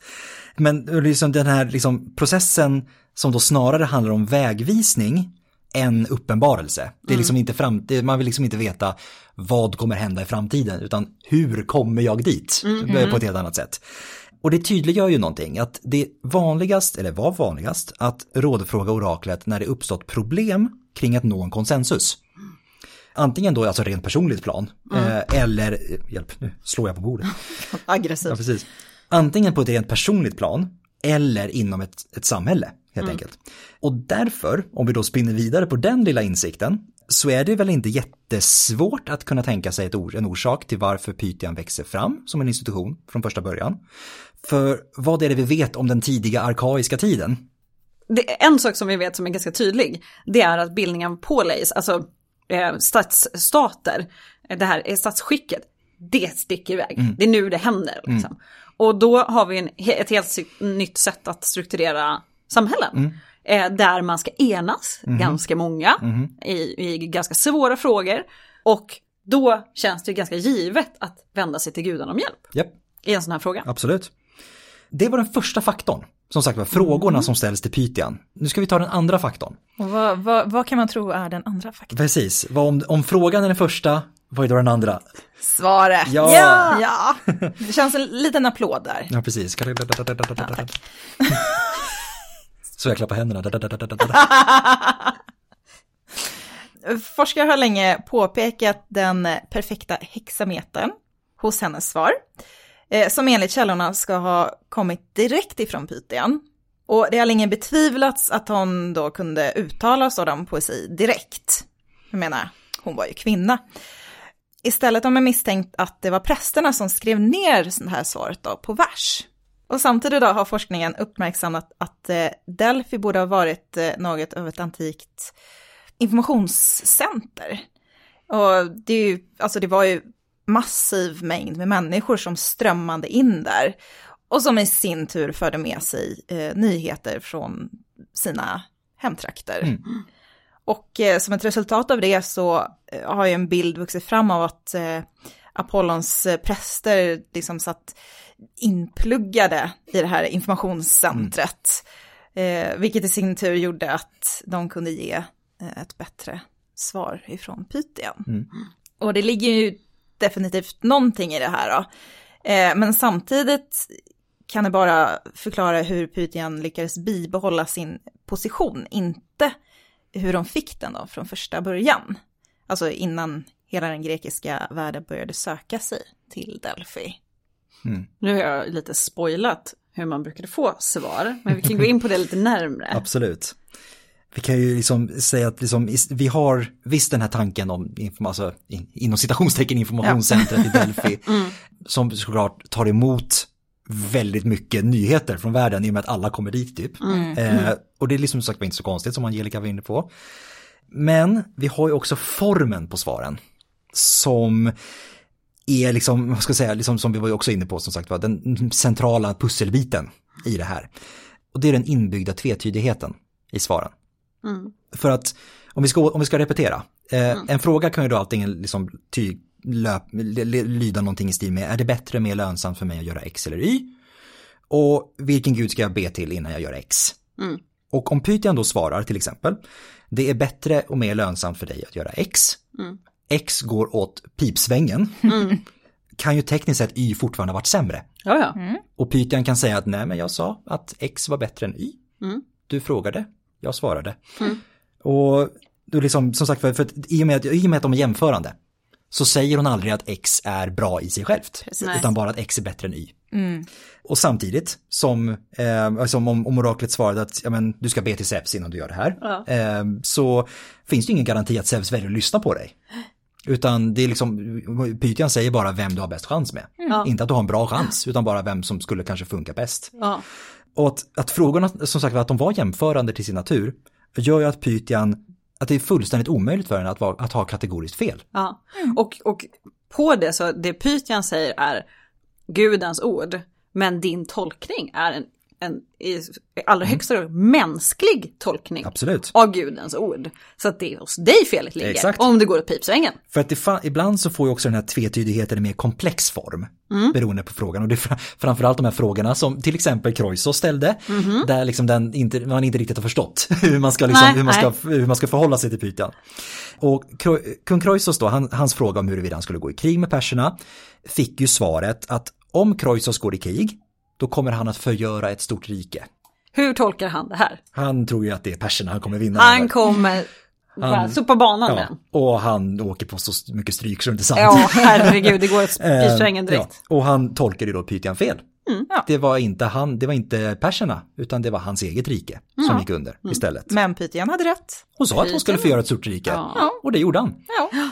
Och Plutarkos då, eh, vår kära Plutarkos, han påpekar att tvetydigheten hos svaren var ett sätt för Apollon att skydda Pythian mm. eh, från de här mäktiga personerna som sökte eh, sökte hennes råd. För att det är Apollon som använder henne som kärl att tala genom mm. och tänker att ja, men jag måste skydda den här mänskliga fragila kroppen. Så, liksom de gudomliga sanningarna som jag kastar på de här människorna liksom.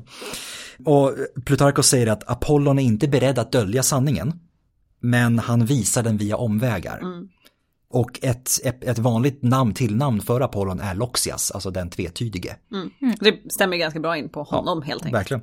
Dessutom så krävde ju även det här tvetydiga svaret en vidare diskussion av den rådsökande och eh, dennes samhälle. För ofta så var det ju, som vi har sagt, den rådsökande ställde en fråga för sitt samhälles, eller å sitt samhälles vägnar. Och eh, det började ofta med problem som samhället eh, inte kunde komma överens om. Vilket sen hänvisades till Pythian eh, som gav sin, eller då snarare Apollons input, varpå svaret sedan togs tillbaka till samhället för vidande, vidare betänkande. Mm. Och att rådfråga Pythian innebar ju helt enkelt, ja, man fick ju inte ett snabbt svar, utan ja, det, det var förmodligen en komplex fråga som gav ett komplext svar. Mm. Eh, och det gjorde det kanske enklare för det här samhället eh, att nå sitt eget beslut. Precis. Mm. Hon hjälper dem Precis. på vägen. För vidare, en öppen fråga för en vidare Precis. diskussion. Som, som Morpheus i Matrix. I can only show you the door. Jag älskar att hon sa det. Kul också för övrigt, för han säger det när, när eh, Neo ska till oraklet, kommer jag på nu ja, faktiskt. Ja, ja, mm. det är, Matrix är bra. Mm. eh, och som Heraklitos, alltså som var filosof på 500-talet före vår tidräkning, han skrev Oraklet varken döljer eller avslöjar, det indikerar. Mm. Så jäkla bra system mm. det här. Absolut. Alltså. Och det är ju också det här att vi, då kan man liksom inte bara reducera henne till någon sorts spådomstjänst. Man går liksom Nej. liksom inte bara dit och hon bara säger Hur många något. barn får jag i framtiden? Typ så, typ Nej. så. Utan hon är ju snarare liksom en, en mekanism för att bringa klarhet i komplexa frågor för individer och samhälle. Hon är ja. liksom en, hon är, hon är en, en, en konsult på mm. ett helt annat mm. sätt. En rådgivare. Ja men exakt. Med oerhörd auktoritet. Absolut. Alltså, oh, ja. Det hon sa, det, det, det, är också så här, man kan inte strunta i vad Pythian sa. Nej. Nej, men kort sagt, hon förde gudarnas talan i en värld som aldrig på allvar betvivlade Nej. gudarna hade en kraft i samhället. Mm. Och, och sätter du emot gudarna så går det ju åt pipsvängen för dig. Så ja. det här är ju verkligen, mm. alltså det är jätteviktig aspekt av mm. din vardag. Och alltså att rådfråga oraklet erbjuder ju just den här möjligheten att se svåra beslut som ett samhälle till exempel har ställts inför i ett annat perspektiv eller att liksom få en gudomlig vägvisning mm. i liksom en fortsatt diskussion. Mm. Så att säga att ja, men, nu har vi kört fast, mm. vi vet inte, ska vi göra det där eller ska vi göra det där? Mm. Det är liksom, några tycker det, några tycker det, vi kan liksom inte komma överens. Ja men vi gör så här, vi skickar en delegation till Delphi, eh, det är snart, det är om en månad, vi mm. skickar dit dem, eh, de kommer komma dit lagom till när det den sjunde dagen i månaden. De får sitt svar, de kommer tillbaka och säger att ja, Pythian sa att det var bättre för oss att göra det här. Ja. Okej, okay, mm. säger de. Då, kanske, då tar vi det i beaktande. Vad säger ni på den sidan? Håller ni, kan ni liksom gå med på Pythians råd? Och det här gör ju också att, alltså det, det skyddar ju också samhället på sitt ja. sätt. Får man, inte, får man liksom inte glömma. Agensen att, flyttas ju till viss del exakt, över. Ja, exakt. För att det gör ju som att inom samhället så kan man undvika ett liksom, utbrett missnöje ifall det visar sig gå dåligt mm. utav det man liksom säger. Om man följer Pythians råd mm. och det går dåligt. Ja då kan man ändå liksom, då blir det inte en falang i samhället som har stått bakom det så sätt. Alltså det, det, är inte deras beslut, Nej. utan det är Pythian som faktiskt ja. gav oss det här rådet. Och sen tycker jag man ska ta med tidsaspekten. Mm. Eftersom att det här liksom var en utdragen process mm. så får man också väldigt lång betänketid. Absolut. Vilket Absolut. inte heller är en, alltså det är ju viktiga beslut ska man inte ta i hast oavsett ja. om det är ett samhälle eller en individ mm. eller så. Utan man mm. får liksom tänka igenom det här ganska mm. länge. Absolut. Och det är också en viktig aspekt i, mm. i hur, tror jag, liksom nyttan med oraklet som, mm. som också tror jag upplevdes som en nytta. Att, att det kanske blev bättre svar bara för att man fick fnula lite på frågan. Ja, ja. precis. minns ni att Plutarkos vänner hade en diskussion? Kanske inte, men de hade det. Ja, precis. Eh, det, det hade de i vilket fall som helst. Och diskussionen grundade sig i den här frågan att varför var oraklet mindre aktivt under deras dagar än vad det hade varit tidigare? Alltså under romerskt styre. Under, under Plutarkos levnadstid på 100-talet efter där. Eh, så säger han ju som sagt, men minns det att det, förut var det tre pytior och nu är det bara en. typ, och hela den här biten. Och hans vänner hade ju olika, hade olika argument för det här och eh, mänsklighetens borttynande moral och mm, allt, hela den här biten. Men om vi nu har satt in Pythian i sin kontext, Mm. vi vet hur hon fungerade, eller vi har i alla fall fått en liten indikation om hur hon fungerade. Vad skulle vi då kunna tänka oss eh, som ett, om vi, ska om vi ska lägga till ett argument i den här diskussionen, eh, vi ska hoppa in i vännernas lilla, lilla samtal där. Vad var det som fick Pythian att växa fram som en institution? Det har vi redan ja, nämnt det. precis. det. Det var ju det här behovet av att tillsammans i ett samhälle lösa problem. Eh, liksom ett behov som, det borde ju ha varit det starkaste just under arkaisk och in i klassisk tid. Mm. Vilket vi nu har lämnat. Exakt. För hon var ju som sagt var ett resultat till väldigt stor del troligtvis av just de grekiska stadsstaternas framväxt. För att de sker nu, som sagt var, eh, vad ska man säga, co- correlation is not causation. Nej. Men i det här fallet så fyller hon ju en funktion inom det här systemet som rimmar väldigt väl. Absolut. Som Med- kanske blir mindre relevant Ja, med tid. Absolut.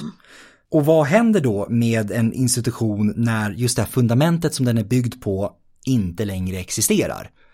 För som sagt var, vi är ju inne i romersk tid nu. Det är liksom stadsstaternas tid är sedan länge förbi. Det är en provins av Grekland i det romerska riket. Och återigen skulle man väl kunna säga att det enklaste svaret troligtvis är det mest korrekta.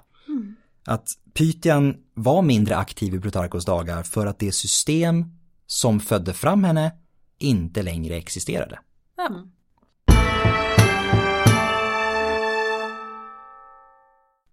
Ja, Ja. Det- Typ så. Typ, typ så. Ja. Shit, det var, det var en genomkörare. ja.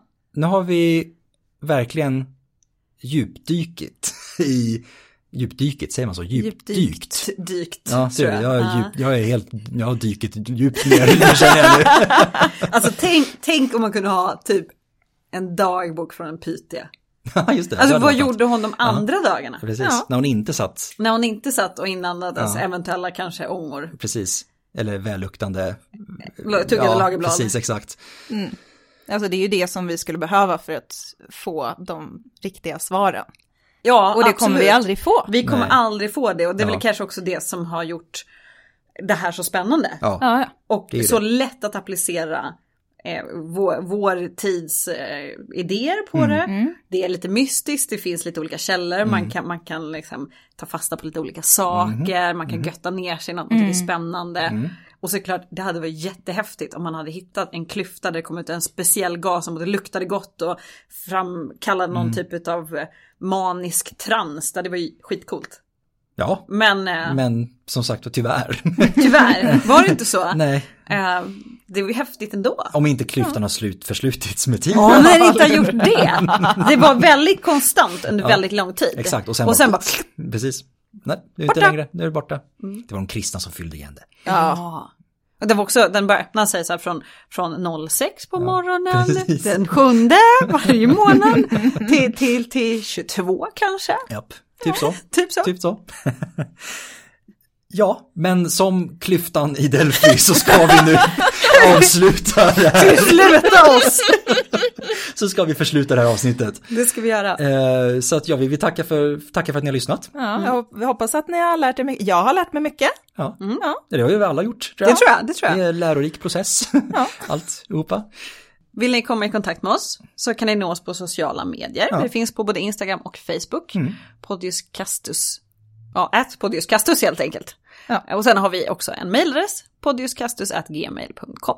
Yes. Yes. Ni får gärna trycka en tumme upp om ni kan det på det här eller typ berätta för en vän att ni tyckte det här var bra. Ja. Och så hörs vi en annan dag. Ja. Så tack, Tack för för oss och, och på, på återhörande. återhörande.